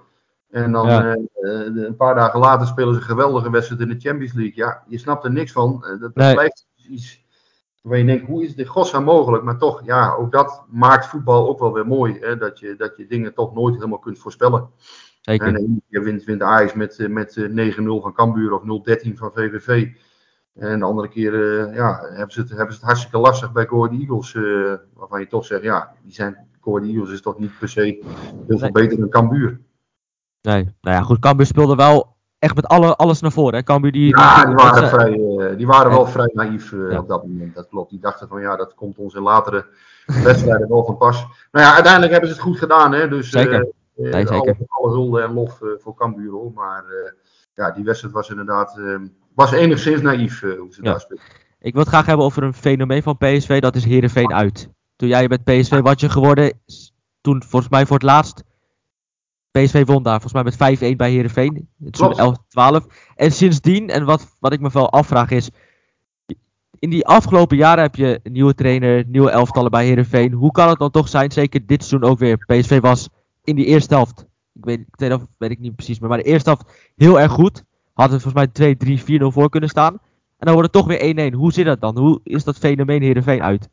Ja, dat zijn de makkelijkste wedstrijden om voor te beschouwen als journalist. Want ik denk dat je de afgelopen jaren steeds hetzelfde verhaal uit. Eh, uit ja. kan hoef ik niks te doen die dag van tevoren. Ik kan gewoon het, het verhaal van het jaar ervoor kan ik, kan ik eruit halen. Nee, dat is gekkigheid. Um, ja, dat, dat, dat, zijn van die mythes. Ja, voor, voor mij ook. Ja. Ik, snap het, ik snap het ook niet. Uiteindelijk ja, je zegt statistisch kan dat helemaal niet. Ook als je naar de wedstrijden kijkt, dan uh, ja, dit jaar was inderdaad PSV was, uh, was veel beter dan, uh, dan Heerenveen. En tegelijkertijd ja, lukt het dan weer niet. En, ja, dat, dat, dat, dat is natuurlijk iets frustrerends voor zo'n voor zo'n team. Aan de andere kant, ik denk wel dat wij zijn daar denk ik meer mee bezig. Ja. Ik denk dat wij als journalisten en, en volgers van een club dat wij meer bezig zijn met die statistieken. als een spelersgroep die er een paar jaar zit. Die zitten er ja. twee, drie, vier jaar. Ja, en die denken, ja, Heerenveen, aardige ploeg. Ja, moeten wij normaal gesproken van winnen. En um, ja, ik, ik, denk dat zij er niet zo mee bezig zijn. Tegelijkertijd is het wel heel erg opvallend. En iedere club heeft wel, ja, supporters herkennen dat denk ik ook wel. Je hebt altijd van die clubs waar je gewoon niet graag naartoe gaat. Dat, dat, ja. PSV had het in het verleden ook met Roda vaak. Dan, dat ging ook vaak mis. Dan, uh, ja, op de een of andere manier, Roda was er ook niet, hè, tenminste het Roda van, van deze eeuw, hè, uh, ja, was toch niet meer zo, uh, zo imponerend. Ja, toch vaak ging dat, ging dat wel eens mis. Ja, en, ja zoals elke club volgens mij die, van die traditionele struikelblokken. Ajax doet het volgens mij fantastisch vaak in Heerenveen. Ja. En ja, wint daar vaak heel makkelijk. En bij andere clubs laten ze, volgens mij Heracles is volgens mij van Ajax zo'n zo'n club waar het... Ja ja. Waar het heel vaak uh, moeizaam loopt. Ja, ja. maar. Ik, ik, kan dat, ik kan het niet verklaren. Ja, ik vind het wel. Het is volgens mij een jaar of tien nu. 10, 10 11 seizoenen. Dat is wel vrij flink. Ja, ja, nee, absoluut. Echt vrij flink. Ik was erbij bij die 1-5 nog. Ik, uh, ik weet het nog. Uh, en, en, daarna hebben ze in, in de beker, uh, ja. voor mij de, de wedstrijd daarna in de beker ook nog gewonnen. Ja. Maar inderdaad, nu tien jaar, tien jaar niet gewonnen in Heerenveen. Ja, dat, dat, dat, eigenlijk statistisch kan het niet. Nee. Nou ja, goed. Het, eh, PSV staat er prima voor. En ik vind het een beetje jammer, want ik vond het wel fijn om vijf punten voorsprong te hebben op PSV. Maar voor PSV zelf... ja, dat kan me in jouw geval voorstellen dan, ja. Ja, en daar gaan nog een paar kijkersvragen in gooien. Hoe, ja. is, het, hoe is het eigenlijk om, ja, om geliefd te zijn ook bij sporters van andere clubs? Want je bent wel vrij geliefd ook bij Ajax-sporters. Hoe voelt het om ook door die ja, door andere supportersgroepen zo geliefd te zijn? Nou ja, op de eerste hartstikke leuk als mensen het leuk vinden wat je doet. Dat is prima. Ik, ik vind nog altijd, er zijn veel meer uh, leuke voetballiefhebbers dan, uh, dan dat er vervelende mensen zijn. Hoor. Er zijn echt ontzettend leuke twitteraars ook bij van andere clubs. van Ajax, van Sparta, Feyenoord. Er zijn echt hartstikke leuke lui bij. er zijn natuurlijk ook altijd een paar vervelende bij. ja, soms geef ik er wel eens aandacht aan en denk van ja, waarom doe je dat? Of uh, ja, uiteindelijk is het volgens mij wel belangrijk dat je, dat je vooral realistisch bent in wat je doet. En ja, bedoel, uh, natuurlijk. Uh, kijk, ik werk voor het Eindhovens Dagblad. Dat betekent dat je, dat je veelal schrijft voor PSV-supporters. Nou, die zijn ook niet gek. Hè? Die willen echt niet lezen van goh, je, hoeft, je hoeft ze echt niet altijd met een washandje te wassen als het, als het een keer flink tegen zit of als, als ze een slechte wedstrijd hebben gespeeld. Um, aan de andere kant, ja, het gaat vooral ik dat, dat je realistisch naar dingen kijkt. En um, ja, uh, dan is gewoon duidelijk, ja, PSV voetbalt niet geweldig op dit moment. En um, ja, tegelijkertijd zijn er ook altijd dingen die, die, daar weer, hè, die wel weer nuance, uh, ja, nuance is ook belangrijk daarbij. Soms zijn er gewoon blessures, of soms zijn er dingen waar, waardoor dingen niet lopen zoals, zoals ze zouden moeten gaan. Ehm, ja, sommige mensen zijn heel zwart-wit. Dat maak ik ook best vaak mee. De een die, die wil helemaal niet dat je iets negatiefs schrijft. De ander wil dat je vooral heel erg benadrukt hoe slecht PSV was. Die zijn er ook. En uh, ja, dat, kijk, dat kan niet. Je kan niet alleen maar. Niet alles is altijd slecht. En ook niet alles is altijd goed. Nee. Je moet uiteindelijk wel nuance bieden en, en met een zeker realisme ernaar kijken, vind ik. En tegelijkertijd, ja, dat, dat, dat PSV nu nog in de race zit, ja, daar moet je ook eerlijk over zijn. Dat is tamelijk ongelooflijk. Ja. Als je kijkt, uh, ja, wat ik eerder al zei, als je kijkt naar de doelsaldo van Ajax, als je kijkt hoe makkelijk ze veel wedstrijden hebben gewonnen, hij moet zich eigenlijk schamen dat ze, dat ze in deze situatie uh, zitten. Want ja, ze hebben Zeker. natuurlijk gewoon uh, zoveel kwaliteit eigenlijk ook aan boord. En dat je dan ja. toch niet, niet in staat bent om, uh, om dat te verzilveren nu al. Ja, ik denk nog steeds dat zij kampioen worden hoor. Want ja, uiteindelijk staan ze er nog steeds met dat doel zelf staan ze er heel goed voor. Um, maar ja, het is wel, wel opmerkelijk dat zij zo'n hoge bovengrens hebben aangetikt. En in Europa hebben ze echt fantastische wedstrijden gespeeld. En tegelijkertijd dat ze ook af en toe uh, ja, een draak van een pot op de mat leggen. Maar ja, goed, dat is voetbal. En bij PSV heb je het gevoel dat die bovengrens helemaal niet zo hoog is. Right. Tegelijkertijd heb je inderdaad uh, bij PSV soms ook wel het gevoel dat ze helemaal er doorheen kunnen zakken. Hè. Dat was bijvoorbeeld tegen Ajax en Feyenoord zo, Feyenoord thuis. Um, maar de meeste wedstrijden haalt PSV toch wel een redelijk niveau, waardoor ze uiteindelijk tegen die kleinere tegenstanders alsnog kunnen winnen. Um, en als je dat uiteindelijk gewoon uh, eerlijk benoemt, ja, ik denk dat dat het belangrijkste is. Dat je, dat je, ja, je moet ook niet vals zijn. Um, ja, ik bedoel, uh, ja, je moet dingen ook niet mooier maken dan ze zijn en ook niet lelijker maken dan ze zijn. Ja, zolang je dat maar blijft doen, zullen op een gegeven moment best wel mensen dat herkennen en denken, ach ja, het is niet altijd spectaculair wat die vent te melden heeft. Maar ja, tegelijkertijd weet ik wel dat, dat wat hij vertelt, dat, ja, dat in ieder geval dat hij probeert het eerlijk te doen. En dat hij het op, uh, op, op, een, ja, op een nette manier wil doen. En uh, ja, nou als mensen dat herkennen of, of uh, daar blij mee zijn, dan vind ik dat mooi. Dat is prima. Zeker, je moet ook gewoon vooral, vooral ook gewoon jezelf zijn. En gewoon schrijven hoe, hoe je zelf vindt hoe het gaat. En natuurlijk zou je ook wel eens luisteren naar wat andere mensen vinden. En zou je vast meenemen. Maar het allerbelangrijkste is natuurlijk gewoon, ja, gewoon om jezelf te blijven. En wat jij, hoe jij het ziet, om, dat, ja, om, zo, om het zo op te schrijven natuurlijk. Ja, uiteindelijk, ik denk dat, dat je vooral, uh, ja, mijn werk is denk ik belangrijk dat je, hè, zoals het dus de eerste dag al begon, ja, je moet gewoon stabiel zijn en je niet te snel, uh, uh, ja, niet te snel van stuk zijn. En aan de andere kant moet je ook niet te snel, ja, je moet ook niet in de euforie belanden, want dat heeft ook geen zin. Ja. En het is niet, niet de bedoeling dat wij gaan meejuichen en het is ook niet de bedoeling dat wij gaan meehuilen, vind ik altijd. tegelijkertijd moeten wij wel kritisch zijn als het slecht gaat. En als het goed gaat, mag je dat ook benoemen. Hè? Dus, dus dat, dat zijn. Uh, dat laatste ontbreekt er volgens mij ook nog wel eens aan. Dat als, als iets goed gaat, dan mag je dat ook gewoon schrijven. En, Zeker. Daar is mee. En dat geldt ook voor andere teams. Kijk, als Ajax een goede prestatie levert, ja, dan uh, vind ik ook dat ik dat moet kunnen schrijven. Ben ik, in, ik ben geen Ajax-watcher, maar ja, als Ajax in Europa de halve finale Champions League haalt, ja, dan is dat gewoon hartstikke goed gedaan. En als ze daar uitvliegen, ja, dan ga ik niet schrijven van, goh, dat, ze, dat, dat, dat dat mooi is of wat dan ook. Maar dat is natuurlijk helemaal niet mooi, want het is gewoon verschrikkelijk kloten als je, als je de laatste seconde eruit vliegt. En, dat, en natuurlijk, uiteindelijk, ik begrijp ook wel de supportersentimenten. Ik vind ook dat je daar wel, ja, daar moet ik ook, hè, ik moet daarvan wegblijven. Tegelijkertijd vind ik het ook wel weer mooi dat er bepaalde sentimenten zijn tussen die clubs. Hè, uh, dat hoort ook bij de sport, dat maakt het ook mooi. Er mag best eens een beetje ritualiteit en, en plagerij bij zitten. Um, mits dat binnen, binnen bepaalde grenzen blijft, is dat eigenlijk ja. gewoon hartstikke prima. En om uh, gewoon een volgende vraag erin te gooien, een beetje aansluitend op wat je net hebt gezegd. Hoe ga je eigenlijk om met haat of kritische tweets? Hoe ga je daarmee om? Uh, soms reageer ja, ik reageer best vaak, begrijp ik, van andere journalisten. Ik reageer eigenlijk wel redelijk vaak. En uh, nou ja, iedereen mag natuurlijk vinden wat hij wil, dat is prima. Um, ik heb weinig mensen geblokkeerd in mijn carrière. Ik denk uh, een stuk of zes, zeven inmiddels. En als dat zo is, ja, dan weten die mensen ook wel waarom dat zo is. Kijk, er zijn bij mij wel een paar grenzen. Als je scheldt met, uh, met nare ziektes of ja, als het echt een soort hetsen begint te worden. Hè, want als iemand vier, vijf dingen per dag begint te sturen van goh, je doet dit niet goed of dat niet goed.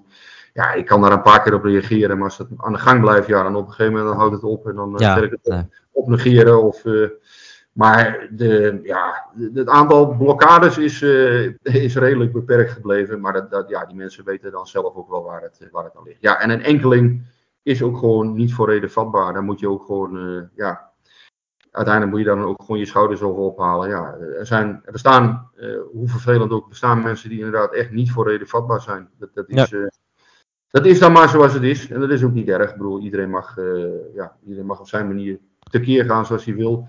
Maar wat ik zeg, als mensen echt over bepaalde grenzen gaan, ja, dan, uh, dan, dan uh, hoef, ik dat niet, uh, hoef ik dat niet per se te zien. Of, dat, dus dan, dan worden ze geblokkeerd. Nou, dat is een hele enkele keer maar voorgekomen. Ik kan me eigenlijk ja, vanuit PSV ook maar één of twee volgens mij. En vanuit, ja, vanuit Ajax misschien ook een paar. Maar dan, dan heb je het echt over ja, mensen die, niet, ja, die, die misschien zelf ook wel redelijk ja, de weg kwijt zijn. Dat klinkt zo hard, maar ja, ik, ik vind het niet normaal als je, als nee. je met nare ziektes scheldt. Zeker niet. Hoort, bij, hoort er niet bij.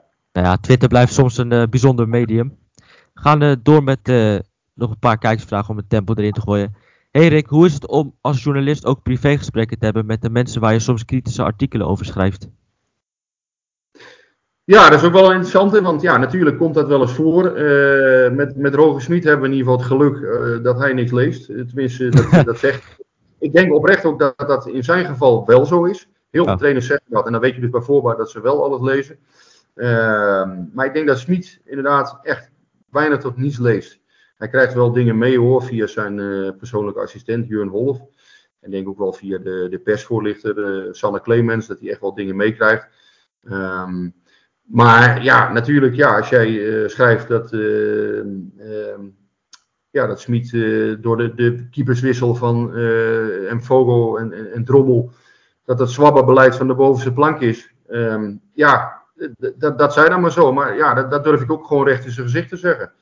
Uiteindelijk gaat het er gewoon om dat wat jij opschrijft, als jij dat gewoon met iemand kunt bespreken, als je zegt, ja, dat vind ik. Tegelijkertijd kun je iemand dus nog aardig vinden of, of zeggen, ja, god, ik, ik vind het uh, verder een, een, sympathiek persoon. Zeker. Maar wij zitten er niet voor, uh, ja, wij zitten er niet om, om mensen aardig te vinden of sympathiek te vinden. We zitten er wel om gewoon topvoetbal uiteindelijk te beoordelen. En ja, PSV uh, heeft een aantal doelen en ja, als die niet gehaald worden, ja, dan moet je daar wel kritisch op zijn. Wordt ons ook wel vaak verweten, hè, van goh, ja, John de Jong, daar ben je nooit kritisch op. Technische directeur, daar zal je wel een lijntje mee hebben. Ja, dat valt allemaal reuze mee. Uh, ik heb geen uh, appgroep met John de Jong, zoals wel eens wordt beweerd. Hè. Dan denken ze, ja, ach, hij heeft een appgroep met Marco Timmer, met John de Jong.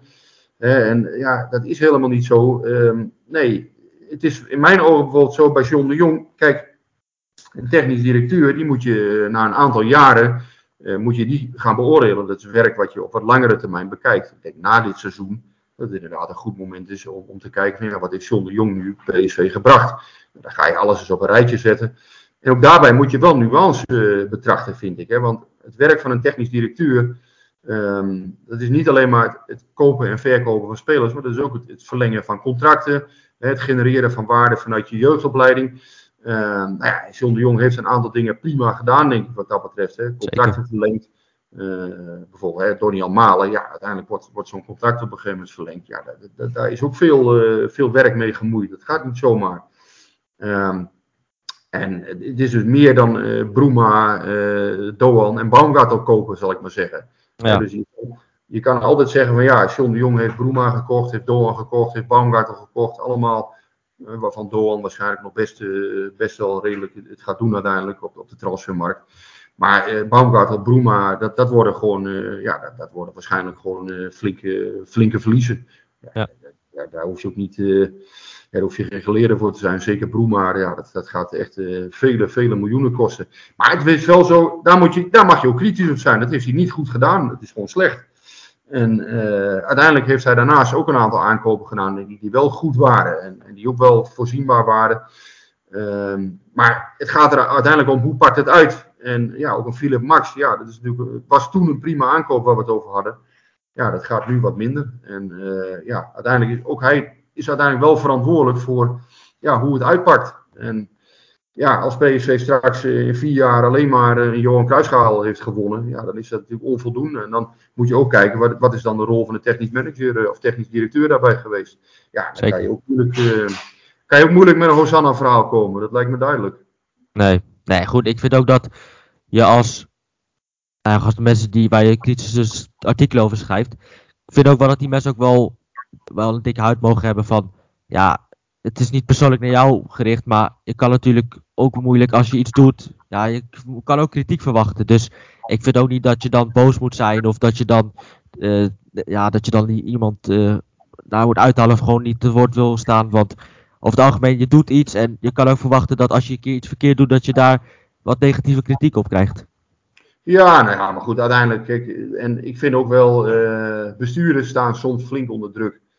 En ik denk dat, we, dat ons, natuurlijk worden ze daar goed voor beloond, hè. ze krijgen prima salaris, maar uiteindelijk, mensen werken niet alleen maar voor salaris. Mensen werken ook omdat ze iets willen bereiken, omdat ze uh, het leuk vinden dat de buitenwereld iets, iets van hun ziet. Uh, ja, ik denk dat geld niet alleen maar de drijfveer is voor mensen. En op het moment dat je hun rechtstreeks aanspreekt via de krant op, op hun verantwoordelijkheden of als ze iets niet goed hebben gedaan. Ja, ik heb ook wel eens ruzie gehad met, met de bestuurders van PSV. Dat is, dat is ook helemaal niet erg, dat hoort erbij. Het belangrijkste is, hoe kom je daaruit? Ga niet rancuneus worden naar elkaar, begrijp ook een beetje elkaar. Ja, eh, eh, een bestuurder is wel eens een keer emotioneel. Nou, ja, dat mag. Tegelijkertijd is het ook niet goed als hij, als hij dan echt kwaad op mij wordt en, en, en dat in het bijzijn van anderen is. Nee. aan de andere kant, ja, daar moet je ook weer niet, niet te moeilijk over doen. Uh, ja, uh, we, we, zitten ook niet in, uh, het is geen yoga. Nee. uiteindelijk, ja, we, we, zitten ook in een wereld waarin emoties soms erbij horen. En ja, moet, als dat binnen bepaalde grenzen blijft, heb ik daar allemaal niet zoveel moeite mee. Dat, ja, soms is er wel eens een keer wat. Daar moet je ook allemaal niet, moet je niet van verslag raken. En ja, het, belangrijkste is dat je dan na een paar dagen weer aan tafel gaat en gewoon weer elkaar een hand geeft en, weer verder gaat. En, kan maar in 2017 was er ook zo'n periode dat PSV ja, een transfermarkt draaide die niet helemaal naar wens verliep en geen linksback kocht. Ja, nou ja, dan, dan zijn Marcel Brands en Toon Gerrans ook even niet, niet heel populair, zou ik maar zeggen. Ja, nou ja, dan, dan ben je wel eens even een paar dagen, dan sla je elkaar even over. Nou ja, dat is ook prima, dat, dat hoort er dan bij. Ja, nou ja, zolang je uiteindelijk na, een paar, dat je zei, na een paar dagen weer rond tafel kan gaan en uiteindelijk alles weer uit kan praten, dan is dat natuurlijk allemaal weer goed. Want hoort het, wat je zegt, hoort erbij als je, als je inderdaad, dat je zei, de transferperiode nou, een beetje kritiek is en je had geen linksback, ja, dan, dan is het inderdaad dat er een beetje, dat er een beetje druk op je komt en dat je dan uh, misschien toch denkt van, hm, misschien toch even een paar dagen met rust laten, wat je zei. En uiteindelijk daarna gewoon weer om tafel gaan en dan gewoon weer met een gebakje en een kopje koffie om het uiteindelijk weer een goed gesprek te voeren. Ja, dat, zo hoort het wel. Gebakje hoeft niet per se hoor, maar... Oh. nee, kopje koffie is prima joh. Dat, nee, maar uiteindelijk, ik moet zeggen, bij PSV hebben we niet zo heel veel klagen gehad wat dat betreft. Uh... nee, maar PSV lijkt me ook wel een, een hele warme club. ja, zeker een ja, ik vind, ik vind het een. Uh, doorgaans is, is, de club die, die voor ons in ieder geval, uh, voor, voor de mensen die, uh, die de club nauw volgen, behoorlijk goed bereikbaar is. En ja, je kan ook niet alles, je kan niet alles altijd maar vragen. Het is niet zo dat je als, inderdaad als Mario Kutsen komt, dat je even Toon Gerlands gaat bellen van, goh, zeg Toon, hoe zit het? komt hij ja. naar PSV? Nou ja, het belangrijkste is denk ik vooral voor, voor een club ook wel, kijk, zij willen natuurlijk het liefst alles zelf melden. Maar het is wel fijn als zij op een gegeven moment ook wel eens een keer een gerucht uh, kunnen ontkrachten of wat dan ook. Nou, dat, dat, dat gaat ook wel eens off the record. Dus het is niet zo dat iedereen altijd weet van, goh, die, uh, die vertelt dat of die vertelt dat. Maar het is ook wel eens zo dat, ja, als, als een bepaald gerucht er is, als bijvoorbeeld Boateng naar PSV komt, zogenaamd. Um, ja, dan is het ook wel eens fijn als iemand een keer roept van, nou ja, dat is totale onzin. En uh, dat je dat ook kunt vertrouwen dat dat zo is. Zeker. Beetje, deze vraag is een beetje aansluitend op toen met Mario Gutsen, toen je met je zoontje pizza ging halen. En dat je toen uh, opeens weg moest. Omdat, ja goed, met dat Mario Gutsen gerucht.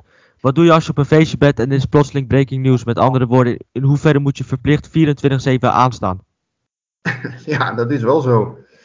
Het zijn leuke, uh, leuke dingen. Uh, ik zal een paar voorbeelden noemen. Zijn allebei hebben ze met Luc de Jong te maken.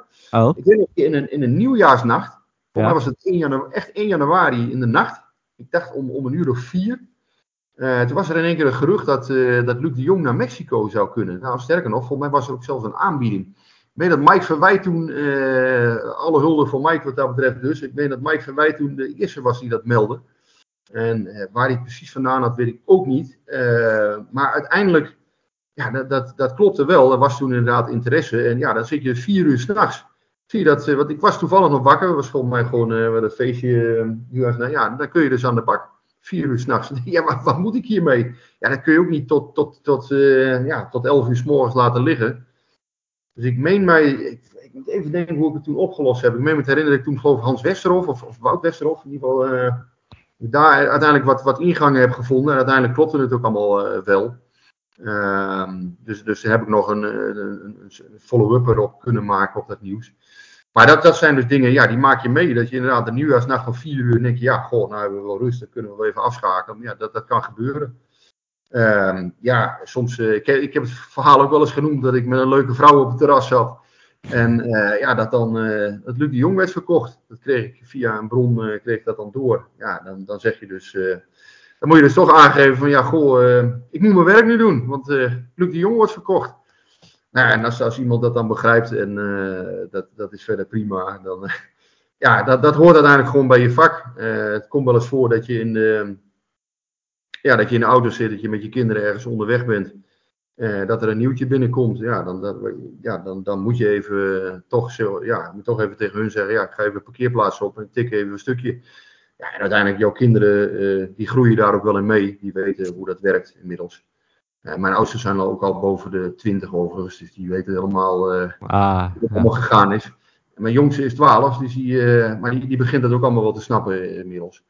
Maar ja, dat, dat zijn dingen, ja, dat, dat komt soms voor. Um, dat, je, dat je op vakantie bent, ja, dat, dat komt eigenlijk in de zomer. Ja, de afgelopen drie jaar heb ik eigenlijk geen echte zware vakanties meer gehad. Ik ben nog wel Afgelopen najaar, maar ook door corona kon dat natuurlijk ook niet. Maar uh, afgelopen najaar ben ik nog wel een paar dagen weg geweest. Maar dan, dan, ook dan gebeurt er wel eens iets. Ja, en dan probeer je toch. Uh, ja, dan heb je wel een collega die dat kan doen natuurlijk. Maar uiteindelijk, ja. Veel contacten lopen uiteindelijk toch via jou. En dan is het ook wel wat lastig om, om dan in één keer uh, niks te doen, zou ik maar zeggen. Nee. Um, dus ja, je kan zeggen van ik, ik doe dan inderdaad, hè, ik, ben, ik, ik zet mijn telefoon uit. Ja. ja. dat kan eigenlijk in ons werk niet. Je kan niet zeggen van ik, uh, ik zet zes dagen de telefoon uit en ik ga in het bos zitten. En uh, ja, voor mijn gevoel kan dat niet. En, en sommigen zeggen je bent hartstikke gek. Uh, ja, er zijn ook heel veel momenten dat je wel door de week dat je wel wat, wat meer rust hebt dan anderen. Kijk, ik, ik, ik heb zelf voor mij het belangrijkste is als mijn kinderen later zouden zeggen van goh, pa, je bent, er, je bent er voor ons nooit geweest dan zou ik dat heel erg vinden. Maar ik, ik, ik heb niet het gevoel dat dat zo is. En, en ik krijg ook niet de signalen van hun dat dat, dat, uh, ja, dat, dat, dat het geval is. Dus voor mij is dat uiteindelijk wat, wat, het enige wat echt telt. Is dat jou, als jouw kinderen zeggen van goh, je bent er voor ons geweest.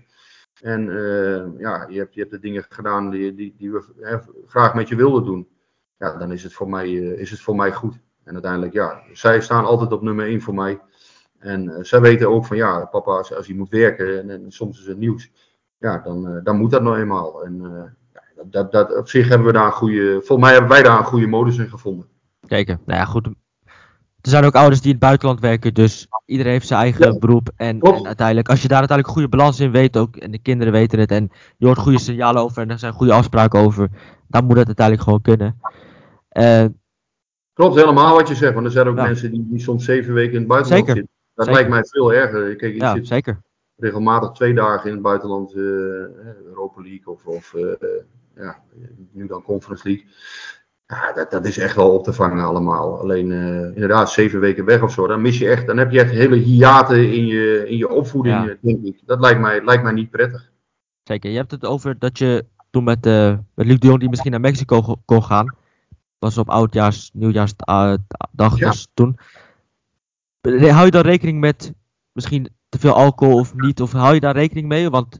Nee, nee, ik ben geen drinker van nature. Oh, je bent, oh dus dat, dus... Ja, ik drink wel eens. Uh, het is niet zo dat ik helemaal nooit iets drink, maar ik ben niet zo'n. Uh, nee, ik ben niet iemand die. Uh, die 20 bier achterover keepert of zo. Heel vroeger misschien wel toen ik nog 20 was, maar nee, dat, dat, nee, in mijn geval vind ik ook niet verstandig. Ik vind ook sowieso rond wedstrijden Hey, je kan prima een keer een pilsje pakken na een wedstrijd, eentje of twee. Maar uh, ja, uiteindelijk, als je je werk moet doen, moet je wel altijd gewoon.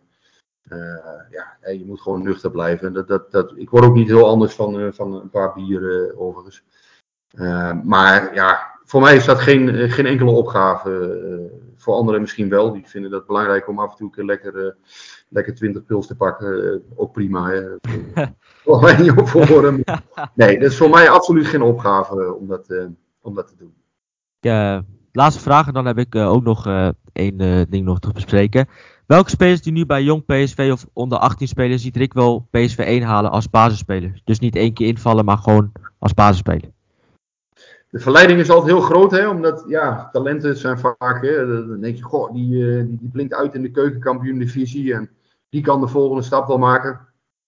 Het is toch vaak lastig om, om het te voorspellen. Ik, ik volg nu jong PSV ook dan, hè, acht jaar. Zitten sinds 2013, uh, ja, ik, ik volgde ze daarvoor ook wel, maar acht jaar nu toch vrij nauwgezet bijna negen inmiddels trouwens alweer. PC, PC heeft sinds 2013 uh, eh, belofte elftal in, in de KKD. Uh, ehm, ja, dan zie je toch heel vaak dat, dat ja, uh, spelers waarvan je denkt van, goh, die, die gaat het nou meteen redden of die gaat het meteen redden. Het is uiteindelijk een hele belangrijke halte, jong PSV. Stevie Bergwijn zag je, die had echt wel een aantal wedstrijden nodig daar. Pablo Rosario is natuurlijk via jong PSV doorgekomen uiteindelijk. Nou, maar weken speelde vrij weinig wedstrijden daar. Die heeft het, ja, ik denk een stuk of 10, 15 of zo gespeeld. Maar die ging ook wel heel snel. Uh, Mooi Atare, maar vier volgens mij. Die had echt heel weinig gespeeld. Maar ja, daar zie je nu ook aan van ja, misschien heeft hij toen ook wel een bepaalde fase overgeslagen, uh, Mooi Atare. Um, je ziet toch vaak het gat tussen jong PC en PC is nog best wel groot. Uh, Sam Lammers had een tussenstap nodig. Mauro Junior had een tussenstap nodig via Heracles. Um, nou ja, bij sommigen gaat het wat geleidelijker. Joran These heeft heel veel wedstrijden in Jong PSC gespeeld. En uh, uiteindelijk toch zonder verhuur zijn plekje gevonden. Maar je ziet eigenlijk ieder traject voor een speler loopt heel, ja, loopt heel wisselend. Sommige spelers gaan echt in een, in een steady lijn. Heel gestaag. Uh, sommigen gaan in één keer als een komeet, zakken dan weer als een gek. Hè, en, en, en, komen ook nooit meer terug. Dat, dat komt ook wel eens voor. Um, ja, op dit moment de, vraag nu, ja, als je kijkt naar, naar jong PSV, denk ik uh, Johan Bakayoko is een heel groot talent. Nou ja, nu zit hij dan in een fase waarin hij toch een beetje tussen wal en schip weer belandt. Hè, want hij speelt heel weinig in PSV 1. En uh, mist ook wedstrijden bij jong PSV, waardoor hij dan uit het ritme raakt. Dat is vaak de moeilijkste fase voor, voor talenten. Dan, dan blijkt uiteindelijk van ja, uit welk hout zijn ze gesneden. Kunnen ze, hier, uh, kunnen ze hiermee omgaan? Um, je, gevoelsmatig zeg je van Johan Bakayoko heeft er nu 12 gemaakt in, in de KKD. En, en die zouden ook in de Eredivisie uh, meer kunnen laten zien nu. Uh, maar ja, hij heeft maar 10 minuten gekregen aan speeltijd. En dat heeft ook een beetje te maken met hoe Smit denkt. Die ja. kijkt toch wel naar talenten. Uh, Smit kijkt vooral naar posities 1, 2, 3 op mijn positie. Dus die zal bijvoorbeeld Bruma brengen. of Doan in plaats van Bakayoko. Nou, daar is natuurlijk niet iedereen het mee eens. Hè? Want sommigen zeggen, ja, geef die jongens dus de kans. Hè? Want het is de levensader van onze club. Uh, van onze club. En tegelijkertijd, ja, uiteindelijk een Broema moet ook weer verkocht worden. Kan misschien ook in bepaalde wedstrijden nog van waarde zijn. Geldt ook voor Doan. Dus ja, zo zit je altijd in een moeilijke, moeilijke situatie. De een die wil, uh, wil balans. Uh, de ander wil dat je jonge jongens een kans geeft. De ander wil dat spelers fris blijven op het moment dat ze geblesseerd zijn.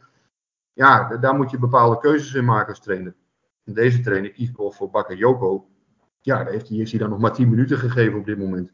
Wat in mijn ogen wel vrij weinig is. Ik denk van ja, ja. had wel eens een keer een helftje, een helftje kunnen spelen. Maar ja, als alle wedstrijden spannend zijn, dan is het natuurlijk ook moeilijk om, uh, om door te trekken. Precies. Precies. Um, nou ja, en, en, bij PSV, ja, op dit moment verder. Ja, dus Bakayoko, ja, Fode, Fode Fofana is denk ik een interessant talent om te volgen. Maar die heeft denk ik ook nog wel wat tijd nodig. Wat, wat blessures uh, gehad. Um, ja, en zo zijn er wel wat meer jongens die, die op dit moment wel aan de weg timmeren. Maar waarvan ik ook denk, ja, eh, Saibari vind ik wel een goede voetballer. Alleen denk, ja, voor PSV 1 is dat toch wel een heel erg grote stap. Maar dat lijkt me bijvoorbeeld wel een speler die in de Eredivisie mee kan. Ismael Saibari. Dus dat lijkt me een goede, goede tip voor andere, andere clubs misschien. Hè. Die jongen is, uh, heeft ook geen heel lang contract meer. Ja, ik denk dat hij best in de Eredivisie mee kan. Uh, ja, en, en, achterin lopen ook wel wat, wat talenten rond. Frederik Oppegaard is een speler waar ik veel van verwacht. Linksback. Um, ja, dit jaar wel een moeilijk jaar gehad. Fysiek uh, flinke tegenslag. Maar die, die, die komt er denk ik nu wel door. En uh, ja, dat, is echt een, een opkomende back met een, met een hele goede voorzet. Goede techniek. Uh, verdedigend nog wel, wel kwetsbaar. Daar, daar zit denk ik wel zijn aandachtspunt. Um, nou, zo zijn er bij PSV wel meer spelers die we straks allemaal in betaald voetbal terug gaan zien. Ik noem een Dennis Vos centrale verdediger uh, Jens Onseelt. Dat zijn allemaal jongens die, die nu nog niet uh, heel veel in het eerste te zien zijn, wel vaak aansluiten. Maar ehm, ja, dat zijn spelers die we ongetwijfeld in de toekomst in de Eredivisie gaan zien. Net zoals we nu Laros Duarte bij, bij Groningen zien. Of Dirk Abels bij Sparta. ja, dat zijn allemaal jongens die dan niet bij PSV zijn gekomen. Maar het mooie aan de belofte elftal is ook dat het uitstroomniveau uh, gewoon steeds hoger wordt. En, en, dat die jongens uiteindelijk een plekje in, uh, in het betaald voetbal vinden. Ja, dat is ook wel leuk lijkt me om, nou ja, goed, je volgt wat je zei, jong PSV, om dat soort spelers uiteindelijk hun traject te volgen en misschien wel over een paar jaar, misschien bij PSV of ergens anders te zien. Lijkt me wel leuk om, om hun traject gewoon zo te volgen. Ja, ja zeker. Uh, hè, ook een Laros Duarte, dat verbaast mij niet dat hij het nu goed doet bij Groningen. Ja, dat is ook wel het niveau waarvan je dacht, ja, dat moet zo'n jongen uiteindelijk toch wel, dat moet hij toch kunnen halen. Op het moment dat hij goed met zijn sport bezig blijft en, en mentaal uh, goed blijft. Ja, dan moet, dan moet dat toch lukken. Maar je ziet ook wel eens jongens die, die uiteindelijk toch, uh, en daar, daar is Jong BSV, de keukenkampioen-divisie, denk ik ook een heel goed platform voor. Ja, je ziet ook jongens die tegen hun limieten aanlopen, die het gewoon niet aankunnen. En die dan zien van ja, ja dit, dit wordt voor mij toch wel heel erg lastig. Het is te hoog gegrepen. En uh, zelfs jongens die dan ook afvloeien uit het betaald voetbal, dat komt, uh, komt ook voor. Ja. Nu wil ik, uh, dus wil niet nog veel langer maken, maar bijvoorbeeld Moja Taren. Daar is natuurlijk heel, ja. veel, heel veel over gesproken. Nou ja, hij speelt nu bij, bij Ajax. Ik heb laatst foto van hem gezien dat hij er een stuk beter uitziet qua, ja, qua, goed, gewoon qua gezicht. Hij is een stuk afgevallen, zo lijkt het. Ik hoop, ik hoop enorm dat hij natuurlijk bij ons slaagt, want als hij, ik vind het wel echt een typische Ajax voetballer. Alleen hoe is het dan, hoe was het dan? Want uh, onder Van Bommel speelde hij alles. Bij alles. Hij was een van de, hij was ja, basisspeler daar. Belangrijke speler ook wel. En dan onder Schmid.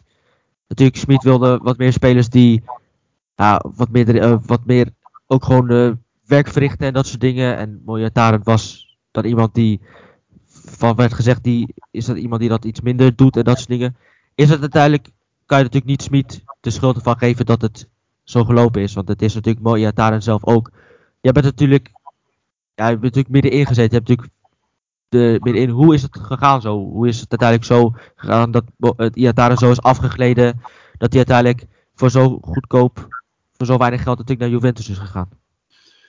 Um, ja, laat ik zo zeggen, om dat proces vanaf de zijkant te volgen, um, ja, laat ik zo zeggen, het is denk ik voor de omgeving van die jongen vrij, moet het vrij pijnlijk zijn als je, ja, als je op die manier afglijdt. Ja, zeker. Het is zonde, want ja, het is gewoon een fantastische speler. Zeker. En, uh, de, waarbij we denk ik vooral uh, ja, zijn, zijn mentale kracht, ja, die, zal hij, die zal hij toch moeten hervinden. Uh, uiteindelijk, um, ja, hij heeft ontzettend veel voorwaarden die hem voor een ploeg die, die in balbezit, die, een ploeg die ja, die graag uh, mooie dingen wil laten zien aan de bal, heeft hij ontzettend veel in huis om, om daar uh, een bijdrage aan te leveren. En uh, zeker bij Ajax, ja, uiteindelijk, als hij alles geeft, als hij, ehm, ja, als hij in staat is om, om de koppen bij te houden, als hij bereid is om als topsporter te leven, dan denk ik dat hij Ajax 1 kan halen. Ja, dat, dat, dat, daar heb ik eigenlijk weinig twijfel over. Alleen ik heb zelf wel eens geschreven, ik denk dat Mo Yatare zich af moet vragen of hij het eigenlijk wel leuk vindt wat hij doet. Ja. Als jij niet het kunt opbrengen om voor dit vak te leven, het is het mooiste vak ter wereld zou je, zou je toch bijna zeggen. Je mag, ja, je mag in het eerste van PSV spelen, in het eerste van Ajax. Daar, daar, als je niet de bereidheid hebt om daar alles voor over te hebben.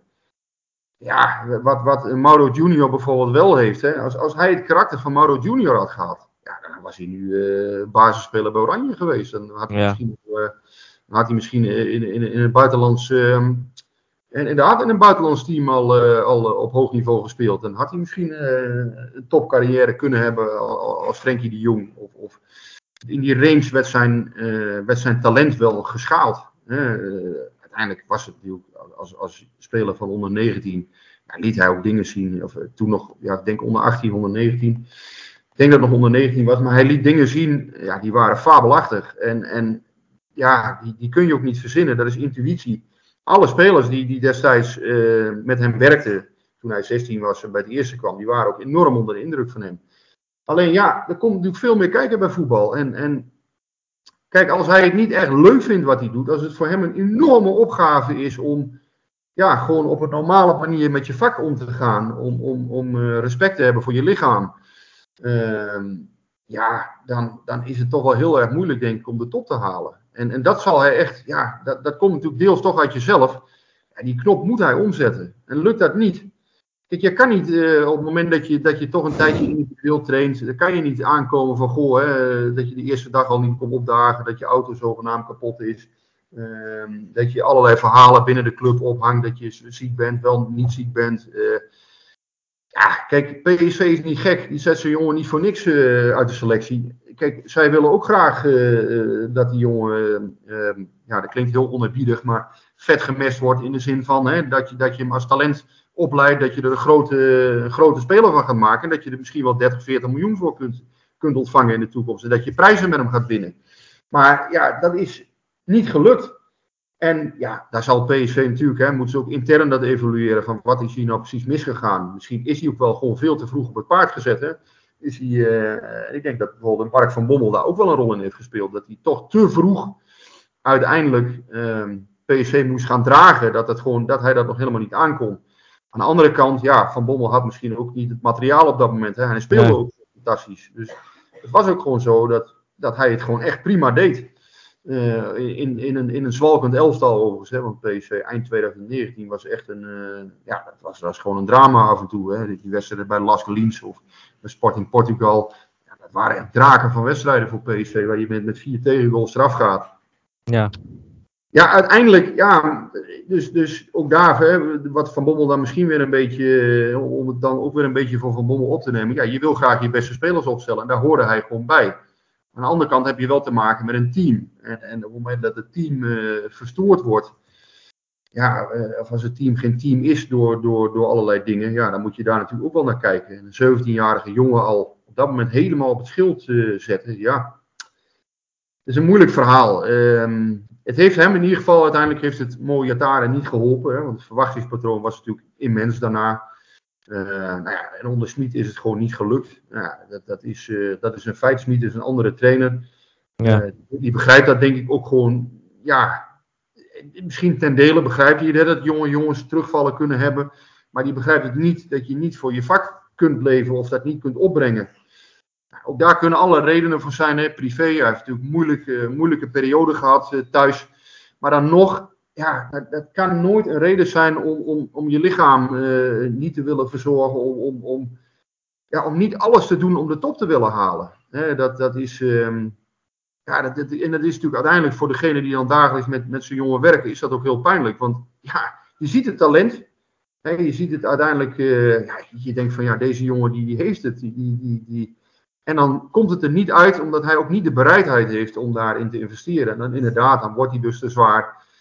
Ja, dat, dat, dat mag natuurlijk niet gebeuren als je die leeftijd hebt. En ook daarvoor zijn wel weer verklaringen hè, van ja, god, hè, als je het thuis moeilijk hebt, dan is het natuurlijk ook.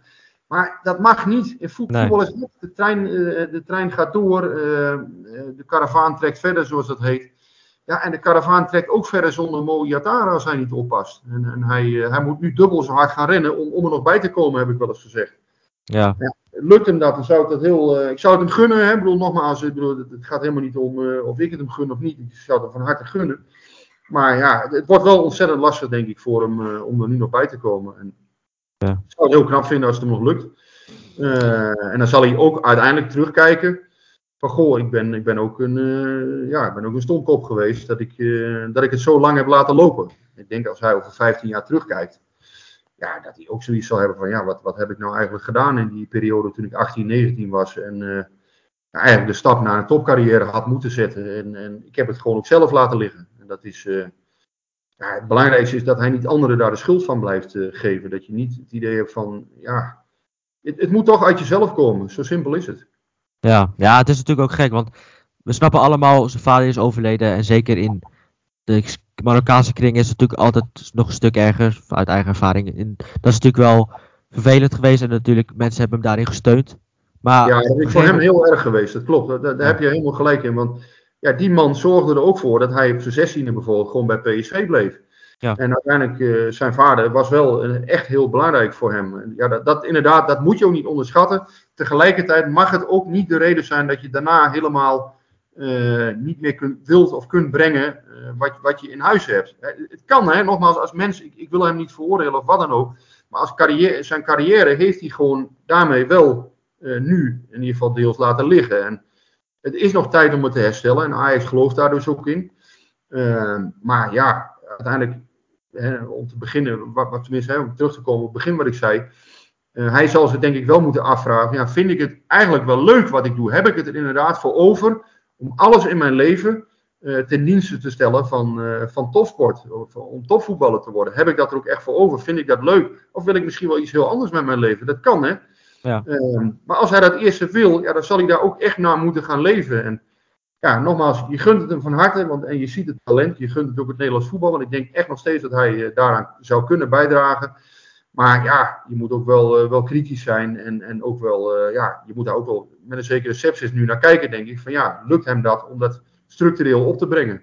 We gaan ja, het zeker, Zeker, want je kan natuurlijk niet bij één of twee kleine dingen die er gebeuren gelijk uh, de handdoek in de ring gooien. Het is heel erg wat er gebeurd is, maar op een gegeven moment moet je ook je leven weer oppakken. En ja. het lijkt mij dat ook voetballen en bezig zijn met topsport ook gewoon een goede afleiding kan zijn voor ja, dingen die je privéleven spelen. Zou zoiets ook een goede afleiding zijn?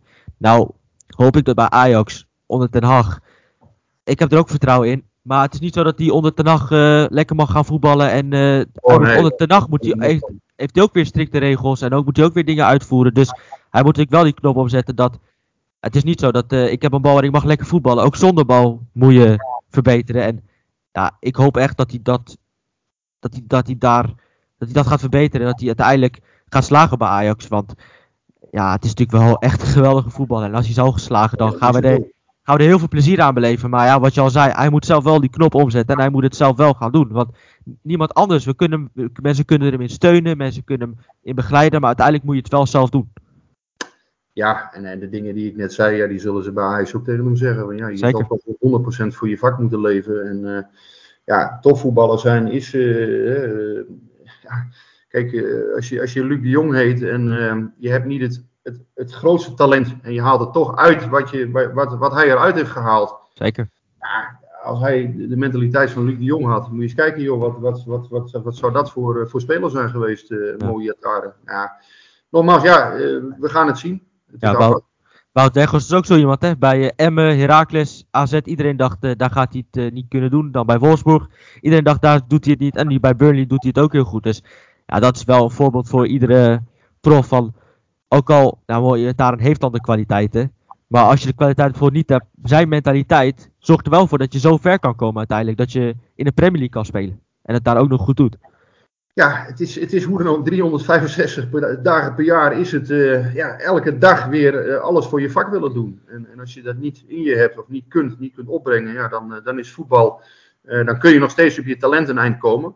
En ik bedoel, ja, soms laat je eens een steekje vallen, dat kan, maar je kan niet steken laten vallen en niet voortdurend. En anders gaat nee. het, ja, dan gaat het niks worden. En ja, het zou zonde zijn, maar ja, het zou ook niet, laten we ook weer niet zeggen, het is ook weer niet het eerste talent die dit overkomt. Dit overkomt nee. jongens die uiteindelijk het niet kunnen opbrengen. En uh, ja, dat, dat, is ook weer niet helemaal, uh, het is ook niet helemaal uniek. Ja, en, en, en ja, dan moet je kijken van ja, wat, wat wil je uiteindelijk wel. Maar dat lijkt me nog wat vroeg. We zullen zien uh, hoe, het, hoe het gaat lopen. Voorlopig heeft hij nog niet gespeeld en dat zal misschien nog wel even duren. Maar ja. uiteindelijk, ja, nou ja, goed. het is het mooiste vak ter wereld, lijkt me. ja. Zeker het lijkt jou misschien ook, tenminste als ik jou hoor over, over voetbal, ben je er ook heel enthousiast over. En Zeker, kan je niet voorstellen. Maar ja, misschien denkt hij daar, of moet dat bij hem nog, nog steeds een beetje ontwikkelen. Nou kijk, ik ben zelf ook wel fases depressief geweest. Dus ik weet hoe moeilijk het is om dan om te brengen om dingen te doen. Maar op een gegeven moment, als profvoetballer zeker, je moet op een gegeven moment er ook wel uit. Iedereen moet er op een gegeven moment uit. En het kan niet zo zijn, twee, drie jaar later, dat je nog steeds erin blijft. Je moet op een gegeven moment moet je door met je leven. En ik denk ook dat zijn vader ook had gewild dat hij, de, dat hij gewoon zo door zou gaan, ja. blijven gaan met zijn leven. Dus op een gegeven moment moet je het wel oppakken. En ik denk ook wel dat Iataren eigenlijk in een verkeerde tijdperk is geboren. Als hij 20 jaar geleden was geboren, was het voetbal ook heel anders. Toen was, had je ook een nummer 10. Ja. En nu is het gewoon meer tactisch en je moet meer brengen, ook zonder bal. Dus hij moet die stap wel gaan zetten, anders blijft het een talent. En blijven we terugkijken op mooie Iataren die uh, ja, talent is gebleven. En uiteindelijk er niet, niks heeft uit kunnen halen uiteindelijk om echt die volgende stap te zetten. Want het hele verhaal met uh, Sampdoria is natuurlijk ook bizar dat hij daar, dat hij daar was. En in een hotelkamer en dat hij daar niet is komen opdagen. In een paar maanden niks van gehoord. Ja, het is natuurlijk wel heel veel negatiefs rond Iataren. En dan moet hij natuurlijk nu zelf wel een einde aanmaken. En vanaf nu moeten positief over Iataren worden gesproken. En hij moet uiteindelijk die stap gaan maken bij jong Ajax en uiteindelijk bij Ajax. En als hij dat niet doet, ja, dit is wel denk ik zijn laatste kans voor hem. Ja, in het topvoetbal zit denk ik zijn laatste kans. Ja. ja. We sluiten Iataren af. Ik wil uh, voor als afsluiter nog even terugblikken op jouw elf jaar, bijna elf jaar bij uh, Eindhovens Dagblad. Wat is jouw mooiste Eredivisie-wedstrijd geweest waar je bij bent geweest? Ja, er zijn hele mooie geweest. Uh, als ik puur naar het voetbal kijk, was dat de Graafschap PSV 3-6. Fantastische ja. wedstrijd. Ja, Met dat was, ja, ja, ja, dat was gek, was, kijk, je zou kunnen zeggen, de meest dynamische was natuurlijk uiteindelijk uh, PEC PSV. Hè, want daarna moet je in één keer een kampioenschap uh, verslaan. En 2016 uh, dat weet ook iedere, iedere Ajax weet dat uiteraard. Nou ja, van hieruit was dat ook een, een hele bijzondere wedstrijd. Hè, om, om, dan die in één keer uh, PSV als ze ja, eigenlijk gewoon, gewoon tweede te worden. En dan in één keer kampioen worden. Ja, dat, dat vergt ook als journalist dan in één keer hele aparte dingen. Want dan moet je ja, moet alles omschooien. 83 verhalen moeten er komen in één keer. maar puur voetballend vond ik de Graafschap PSV 3-6. Dat vond ik echt een fantastische wedstrijd. En uh, ja, daar, daar, zat ook dus hè, met die scrimmage die erin zat. Ja, ja. Ik heb ook enorm genoten na afloop van, uh, dat klinkt heel stom, Toon Gerbrands die zei toen na afloop van ja, uh, Andres Guardaro die, die, die, die kwam na afloop uit de kleedkamer, haalde zijn schouders op. Ja, we hebben toch gewonnen. PSV kreeg drie goals tegen de graafschap notabene. Gewoon, ja, dat, dat ze gewoon in die wedstrijd terugvocht echt een hele slechte fase. En ja, die Zuid-Amerikanen die trokken zich er helemaal niks van aan. Hoezo? We hebben toch met 3-6 gewonnen. Maak het uit. Ja. het was echt een fantastische wedstrijd. Dat, uh, ja, die ga ik nooit meer vergeten. Nee, nou ja, goed. Later dat seizoen uh, hebben wij niet van de graafschap gewonnen toen het moest. Het was ook, nog, eens, ook nog eens op mijn verjaardag. Dus mijn, mijn verjaardag was ook Tottenham thuis was ook mijn verjaardag. Dus heel leuk om uh, 8 mei uh, Ajax supporter te zijn op mijn verjaardag. Want ik heb twee keer een hele slechte verjaardag gehad uh, in 2016 en in 2019. Um, ehm, nou ja, goed. PSV Ajax lijkt me ook een hele leuke wedstrijd toen uh, voor, voor PSV Sports, maar misschien ook voor jou toen met die kampioenswedstrijd van PSV tegen Ajax. Ja, nee, dat, dat, zijn, dat zijn wel bijzondere wedstrijden die bijblijven, maar tegelijkertijd, ja, je had toen al wel het gevoel, PSV stond al ver voor. Ja. Ik had ook de hele week al het gevoel van dit kan bijna niet misgaan. Uh, dat, dat, ja, ik weet niet, dat, dat, dan wordt, wordt dat op een gegeven moment, ja, dat, dat, dat worden ook van die onzichtbare krachten. Dan denk je, ja, dit, dit gaat echt niet meer fout. En uh, voor mij was toen die week daarvoor, hè, dat PSV van AZ won, die na een 2-0 achterstand 2-3 eh, terugkwam. Ja, toen had je al het gevoel van, ja, dit, dit gaat niet meer fout. Dat, nee. uh, dus dat, dat, was niet eens, dat was niet eens de grootste verrassing. Ja, puur, puur voetballend, uh, ja, ik zeg, die 3-6 was voor mij, springt er dan wel uit, ja. Zeker. En als we gaan kijken naar de Europese wedstrijden, wat is de mooiste away trip die je hebt gemaakt? Um, puur als trip vond ik uh, vond ik fantastisch. Dat was uh, in 2012. Dat vond ik echt uh, ja, de voetbalbeleving bij, bij zo'n club. Ja, daar heb ik enorm van genoten. Dat was dat inderdaad, dan zie je daar twee, twee uur van tevoren bij, bij het stadion. Dan is echt alles al aanwezig. En dan zie je eh, elke vierkante meter staan zes, zes kraampjes met worsten. En, en uh, iedereen is door het dolle heen. En ja, dat, dat is fantastisch om te zien. Terwijl het eigenlijk gewoon, ja, dat is dan een wedstrijd. Uh, voor mij was dat de 16e finale in de Europa League. Dan denk je, ja, ja, ja. Nou ja, is dat nou een hele grote wedstrijd? Voor Trabzonspor wel, toen. En ja, dat, dat was echt geweldig. En ja, we werden door enorm gastvrij ontvangen. Ook in, je kon zo een restaurant inlopen. En, overigens die van alles voor je deden. En uh, ja, dat was echt, uh, echt geweldig. Uh, enorm gastvrij vond ik dat. Trapson, mooie, mooie stad, heel erg van genoten destijds. Ja, en, zo, ja, ja, zo, zo. Ik weet het niet, er zijn, ja, er zijn wel veel meer leuke trips geweest. Ik vind vaak de, de leukste trips zijn vaak de, de wedstrijden die, ja, de, de wat onbekendere ploegen, zou ik maar zeggen. Ik ben ooit naar Slovenië geweest, Moerska Sobota, dat was, dat was Moera, waar Vitesse dit jaar nog tegen speelde. En ja, dat, dat dan uiteindelijk, ja, ik, ik had geen idee hoe ik daar s'avonds weg moest komen. en, ja, dat was morgens, uh, dat je s'morgens ergens uh, toch uh, belandt, omdat zo'n voorzitter, de voorzitter van die club, die bracht mij gewoon even 150 kilometer weg. Nou woonde hij wel een beetje in de buurt daar, het was in Maribor waar hij woonde, maar goed, ja, dat, dat zijn toch leuke verhalen. Dat Zeker. 199 over de snelweg uh, jakkert in Slovenië. En dat wist ik niet hoor, maar, maar die man met een veel te dure auto. En ja, dat, dat is wel grappig om mee te maken. Zeker, dat soort verhalen blijf je, blijf je voor altijd bij. En die wedstrijd tegen Atletico dan, die achtste finale was het met die penalty-serie. Toen Narsing op de lat schoot. Hoe was die hele beleving toen met die penalty-serie en de afloop? Ja, kijk, dan, dan staat PSV op het punt om de kwartfinale van de Champions League te halen. Ja, ook op dat moment geldt weer, hè, van, uh, daar moet je als journalist gewoon in je rol blijven. En ja, natuurlijk is dat jammer, hè, want voor het Nederlands voetbal is het ook zonde. Je hoopt altijd, een Nederlandse club hoop je in principe dat ze doorgaan. Uh, ja, dat geldt ook voor PSV. En ja, als dat dan niet lukt, ja, dan is dat, dat, is, dat is dan zo'n moment als wat Ajax ook ooit heeft gehad. Hè. Uh, ja, zo'n zo'n penalty op de lat gaat en je bent er zo dichtbij. Ja. Ja, uh, je had toen ook wel het gevoel van PSV, daar, daar zit iets magisch nu omheen. Hè. Ze, ze, ze, ze, kunnen extra krachten kunnen ze oproepen. Ja, en als dat dan misgaat, ja, dan tegelijkertijd moet je wel gewoon je werk blijven doen. En, uh, ja, daar moet je ook niet, niet van verslag raken. Maar het is, het is, ja, op dat moment is dat natuurlijk hartstikke zonde. Dat is, uh, ja, en, en ja, dat, dat ze voor de club, ja. Uiteindelijk wil dan ook liever niemand daar nog heel lang aan herinnerd worden. Maar het zijn wel dingen die natuurlijk bijblijven. Ja. En volgens mij was het niet een paar dagen later dat PSV toen van Ajax verloor thuis nog? Ja. Ja. Dus toen was het helemaal een uh, rampweek voor PSV. Ja, er zat, er zat vijf dagen tussen volgens mij wel. Maar ja, PSV was wel echt kapot. En, ja. en dat zag je toen vooral in de tweede helft. Als dan zelfs, uh, ja, verloren ze volgens mij met 0-2. Ja. Um, ja, als dan zelfs inderdaad Luc de Jong nog op een gegeven moment knakt in, in de tweede helft en gewoon niet meer de energie heeft, ja, dan weet je dat er echt een probleem is. En dat was, ja, dat was al een enorme klap voor PSV. Tegelijkertijd zijn ze ook daar wel weer goed van hersteld, uh, moet ik zeggen. Ja, ze zijn toen kampioen geworden dat jaar. Dus uh, uiteindelijk. Uh, volgens mij was het seizoen daarna ook met Ajax toen. Toen ze tegen Schalke speelden. En toen gingen ze ook naar Eindhoven.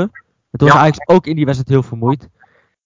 Uiteindelijk kon je die wedstrijd als Ajax-sporter niet boos worden. Want Ajax gaf echt wel alles die wedstrijd. Maar ja, je ziet wel zo'n Europese wedstrijd. Zeg je? 1-0 Locadia volgens mij. 1-0 Locadia, ja uiteindelijk zie je zo'n Europese wedstrijd. Ja, heeft natuurlijk wel een enorme impact ook uh, voor wedstrijden de la. Zeker als je toppen speelt uh, bij PSV of zoiets, of PSV Ajax. Dat vecht nog meer energie dan normaal. Krijg je dit jaar in de bekerfinale misschien ook weer, hè, als PSV zich plaats voor de kwartfinale, uh, ja, dan, dan de kwartfinale Europa League, die, of sorry, kwartfinale Conference League. Um, ja, die zit, zit drie dagen voor de bekerfinale. Ja. Dus dat, maar ja, misschien, Ajax kan zich ook plaatsen voor de, voor de Champions League. Zeker. Uh, oh, wel. Ja, nou ja, we zullen zien hoe dat gaat lopen. Daar, daar heb ik ook wel weer zin in, hè. Mooie, mooie bekerfinale Ajax-PSV. Ja, ik wou net zeggen, komt voor jou nog een mooie maand met de competitie, Conference League, ja. beker, bekerfinale. Volgens mij 2012 dat je daar voor het laatst denk ik aanwezig was, in die bekerfinale. PSV AZ. Oh ja, AZ PSV. Nou ja, goed, dat was voor PSV supporters waarschijnlijk ook een wedstrijd om te vergeten. Ja. Toen tegen AZ. Dus voor jou ook uh, iets om naar uit te kijken. Nou, Rick, ja, ik uh, ja. bedank je enorm. We hebben even kijken hoe lang we al uh, hebben opgenomen. Ja, het ging, ging vrij vlotjes, hè. Zit alweer anderhalf uur te, te kletsen, dus... 1 uur en 37 minuten. Ik bedank je enorm voor ja, aanwezigheid. Succes, man. Ik bedank ook iedereen voor het luisteren.